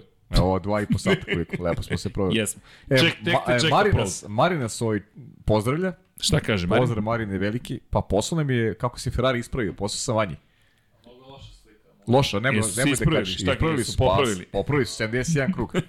Popravili su. Dobro, naučili su na vreme da, da rekao. Hvala Marine na saradnji Hvala, kao i uvek. Ali eto, loše slike ne možemo ovaj da, Da. da, pokažemo ljudima da Čekaj, Ferrari čekaj, da nađemo. ispravlja svoje greške. Da, e, inače, pozdrav svima koji su bili, da znate, mi imali smo i prvi Zoom sastanak, da ga tako nazovemo. Zoom druženje, to je E bilo da, super. zakazat ćemo novo, da. Da, prvi, po- poslednji ponedeljak um, u mesecu, U mesecu, je da. koncept koji Deki predložio i nam se dopao. Jeste, odlično. Svi koji su se učlanili kao članovi YouTube kanala ili su Patreoni, dobiju Zoom link sa nama i onda ćaskamo o svemu i svačemu, jer su korigovali, dobro, 71, Evo, to je, to je 71. sad, Ima sad, je, sad je u redu, sad je sve kako treba. da, prva trka inače održana 72. ali nije zvanično bila deo šampionata sveta, tako da se ne vodi kao, kao trka koja je organizovana. Carlos Reutemann inače slavio u Brabham Fordu, Paće isto u Brabamu bio, zabeležio pobedu.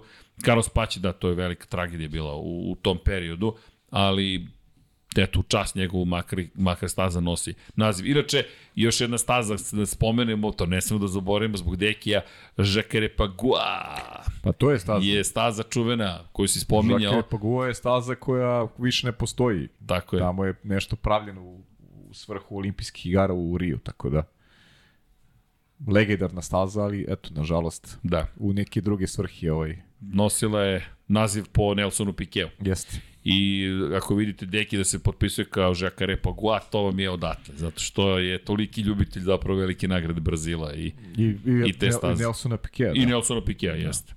I Interlagos je, eto, u kojoj 1910. godini ponovo dobio ugovor i Tako, onda da. svaki put kada smo dolazili ovde bili smo Interlagos. Koji je skraćivan, samo da napomenemo da je nešto koje je skraćivan, inače bilo tu raznih incidenata, apropo same staze gde su bili pokušaj otimanja Jensona Batona, pa ga je spasao brazilski lokalni telohranitelj povlaka vozač, rekao je vozio kao da vozi Formulu 1. Jer taj kraj nije baš nužno najbezbedniji, tako da zna da bude interesantno, ajde da se tako izrazim. I sad je došlo vreme za vožnju. Za vožnju, ajde. Nadam se da ste spremni, kolega. Ajde, ajde, samo ti vozi. Samo ti, dečko, vozi. Ispratit ćemo ove tvoje radove. Vidim šta se još ovde dešava. Naravno, E sad, nadam se da me čujete, Hadari, ja vas ne čujem, ništa. ali Kaže, Čujem zato Formulu ponudi 1. Kasu zamenu vozača Joe i Mick. Mohamede, vidim ja da ti ovaj, preferiraš Mika Šumajhera i bi volao da ostane, ali nisam siguran da će to nužno da se dogodi, moram ti priznam. Dobro, to je to. Nema više nekih pitanja ovde, a fokus sada na našeg dragog srđana da vidimo koliko će puta slupati ovaj bolid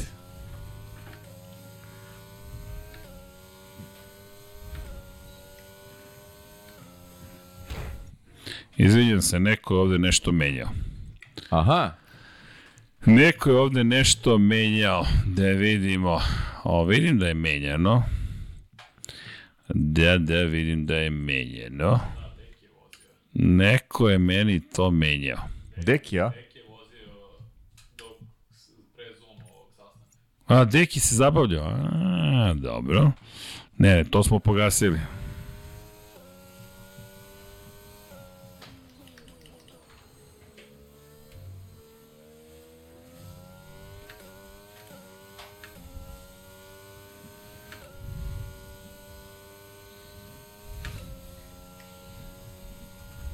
Mlađani Jerce, ga vozi bez greške.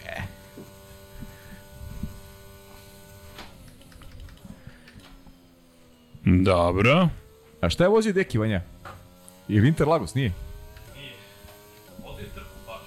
Nije vozio ovo, Aha. Malo sam skratio stazu. baš je vozio trku. Ne vidim da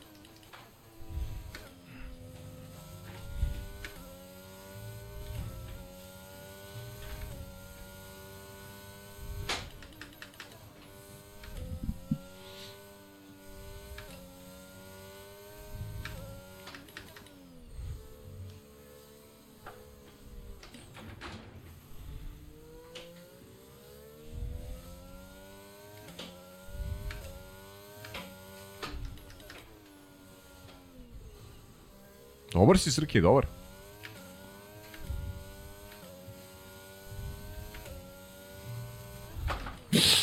Ah, Nisi trebao ti hvalim. Ovo je komentatorska kletva.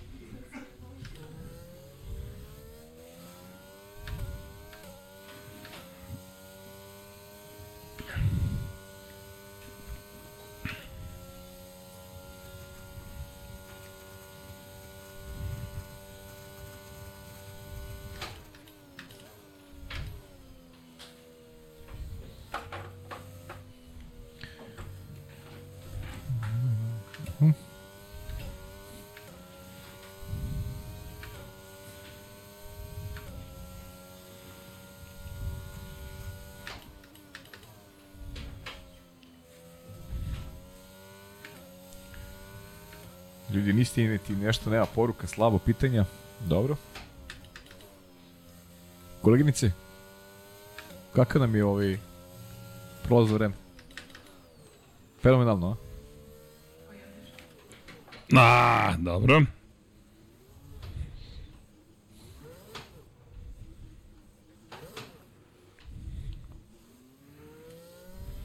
Nema mi draži ovo kad nema deki. Da imaš neki da se odmeriš. Ja bez naočara ne vidim ništa.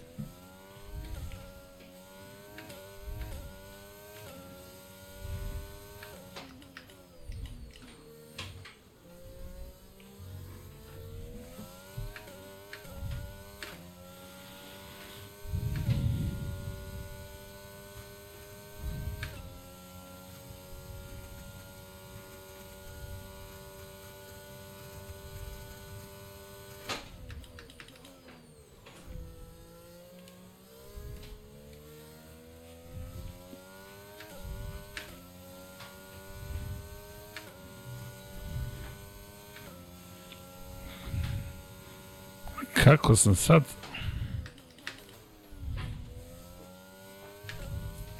Sišao sa staze, baš me zanima.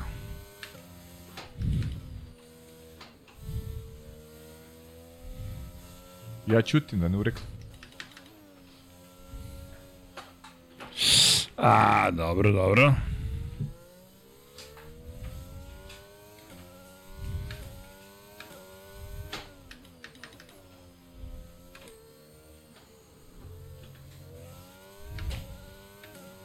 Ipak je ovo na kraju bio jedan Latifijevski krug.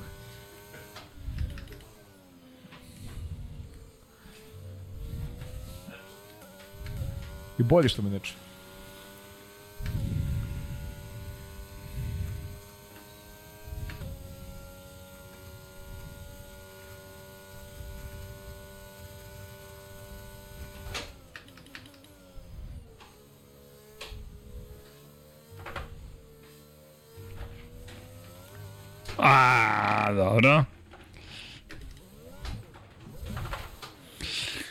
Dobro, pa nije toliko loše. Ne, ne, nije, nije, zaista. Popravljam se što bi se reklo. A mlad si još, ima vremena, vreme radi za tebe. Samo se ti šegaj, ali nije loše. Ozbiljno ti kažem. Dobro? Šta mlad si čovjek, šta hoćeš? Ja te lepo častim, ovaj ti kažeš da Hvala, si šega. hvala.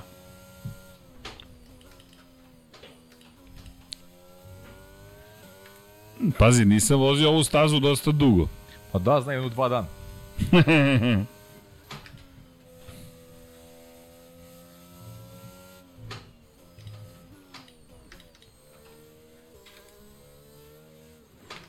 Ovde pravim grešku non stop, dobro.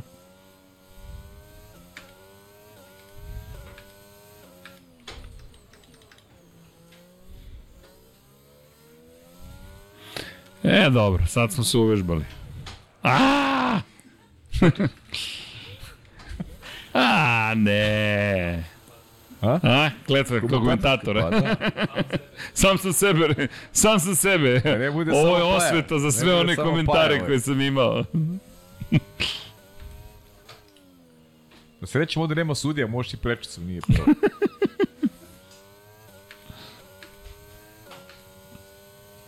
Dobro, ja mislim da je do, bilo dovoljno. Ovo, jeste, jeste.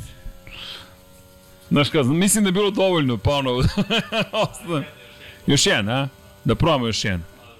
Aj, kad Vanja kaže, poslušaj Vanja.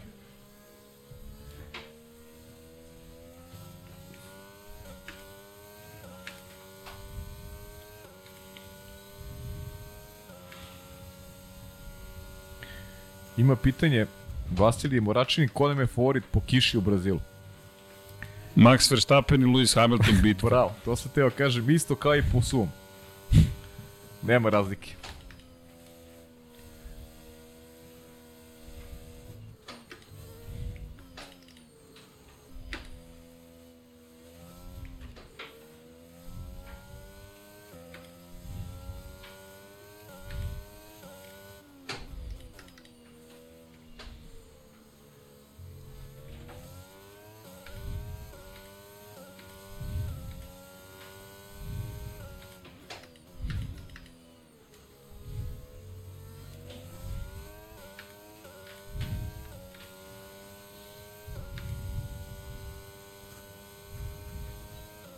Ah, sad sam napustio stazu, dobro. Vanja, jesi ti zadovoljan? Vanja Prezu, ovo ti najbolji krug bio. Da nisi poslušao Vanju, ne bismo gledali tvoj najbolji krug. Tako je. Tek će da ih bude, tek kad će počnem da vežbam sad ovo, jeste normalno. Sledeće godine u ovo vreme. O, bit ću šampion sveta. Top of the world, ma! Evo, da ćemo prekidamo. Ajde. Dobro, ovo sad već na otprilike znam. Dakle, moram da dođem do kog rezultata? 1-10. Ovo ovde mi pravi probleme.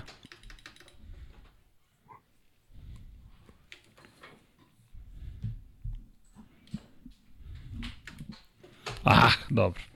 Vreme je da se pozdravimo. Bravo, Srki. Aplauz na otvorenoj sceni za mlađanog Hercega. Nije bilo tako loše. Nije, nije. Nije zaista. Dobro, pa je. Šta ti kažem? Vanja mi je već pustio muziku, Pa dobro, okej. lagani Pa ne, gledam, gledam sam, nema, nema pitanja i... Jel ima ikoga? Pa ima, ima, evo, nešto sam, Vasilije Moračanin se javio, Boris, naš neizbježni penzioner, Dobro, bar znamo za koga je termin. da. Marin Antunović, Kako, kako? Da radimo u 9 ujutru, a? Radovan Ivanović, Jao, ima dobro. neki, evo, treba proverimo za, za Landan, Vasilije šalje da navodno Lando je otrovan ovaj, hranom sad, vidjet ćemo šta to znači za trkački vikend, ajde, proverit ćemo tu informaciju, da li će uticati na njegov trkački vikend. Dobro, ajde da se nadamo da, da, Da. okej. Ajmo da, da, da, da se, ajde, za početak da se nadamo da će biti sve Da će biti sa Landom. tako je, S druge tako je. strane, da se zahvalimo svima onima koji nas podržavaju. Udrite like, udrite subscribe, udrite join ukoliko možete, želite. Knjige su na raspolaganju. Ne, ljudi, ne, ne bih samo da ispadne knjige, kupite knjige da biste, ne, kupite knjige zato što treba da imate knjige, zato što treba čitati knjige. Mi, mi ćemo da nastavimo da guramo našu priču. Dakle, to je ono što je point svega ovoga. Širimo dalje ljubav, nadam se znanje, ideje, emocije i tako dalje. Hoćemo da automoto zajednica stvarno ima svoje mesto pod suncem u svakom smislu te reči. I knjigi su nam jedna od osnova toga. Podcast pre svega, bit će još stvari, ali idemo jedno po jedno.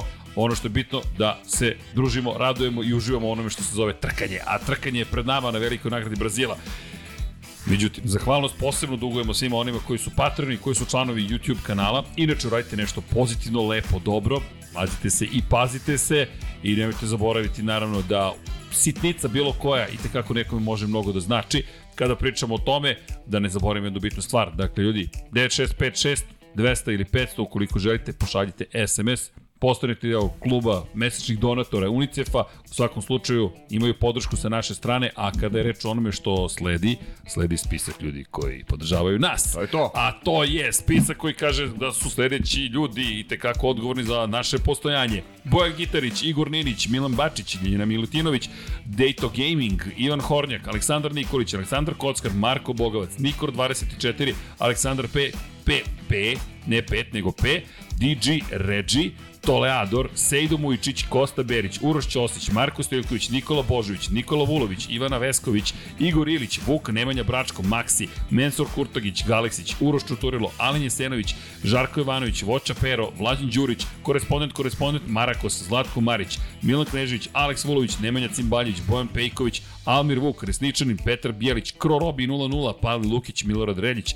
Nenad Lukić, Saša Stevanović, Toni Soni 76, Nikola Niksi, Branko Rašić, Nikola Grđan, Miloš Tanimirović, Bakadu, Ivan Magdanović, Ivan Vojsinović, Tatjana Limajić, Veselin Vukićić, Branislav Dević, Vukašin Vučenović, Almedin Ahmetović, Nemanja Labović, Miloš Zed, LFC, Nikola Kojić, Nemanja Miloradović, Marina, Vlada Ivanović, Oliver Nikolić, Jelena Jele- Jeremić, jedna osoba koja želi da ostane anonima, Nemanja i gospodin Bojan Markov. Kada je reč o našim pokroviteljima na Patreonu, patreon.com kroz Infinity Lighthouse i da, i tekako i dalje nam znači vaša podrška. Kada budemo u situaciji da kažemo ljudi, sve što radite sada je čisto zadovoljstvo, reći ćemo vam nemojte ništa brinuti do tada, vi ste nam gorivo da idemo dalje. A ima puno ljudi kojima moramo i želimo da se zahvalimo. Salim Okanović, hvala, to nam je naš novi, najnoviji patron. Pa Matija Binoto, za oni koji ne znaju, imamo punu podršku iz, nezvaničnu podršku iz Maranela. Zatim Ljud Đurović. Ma, pa naravno. Danka, Mladen Tešić, Đorđe Milanović, Stefan Muletić, Marko Kostić, Aleksa Valter, Ivan Milatović, Dušan Delić, Luka Martinović, Vojin Kostić, Martin Antun, Martin, Marin Antunović, Aleksa Lilić, Sed, Dorijan Kablar, Matej Sopta, Igor Jankovski, Nikola Milosavljević, Marko Kozić, Šmele, Marko Petrekanović, Srđan Sivić, Milan Apro, Branimir Rijevec, Nemanja, Jasmina Pešić, Matija Rajić, Zoran Cimeša, Danijela Ilić, Đole žena mi zna, Andreja Miladinović, Borislav Jovanović, Đole žena mi zna.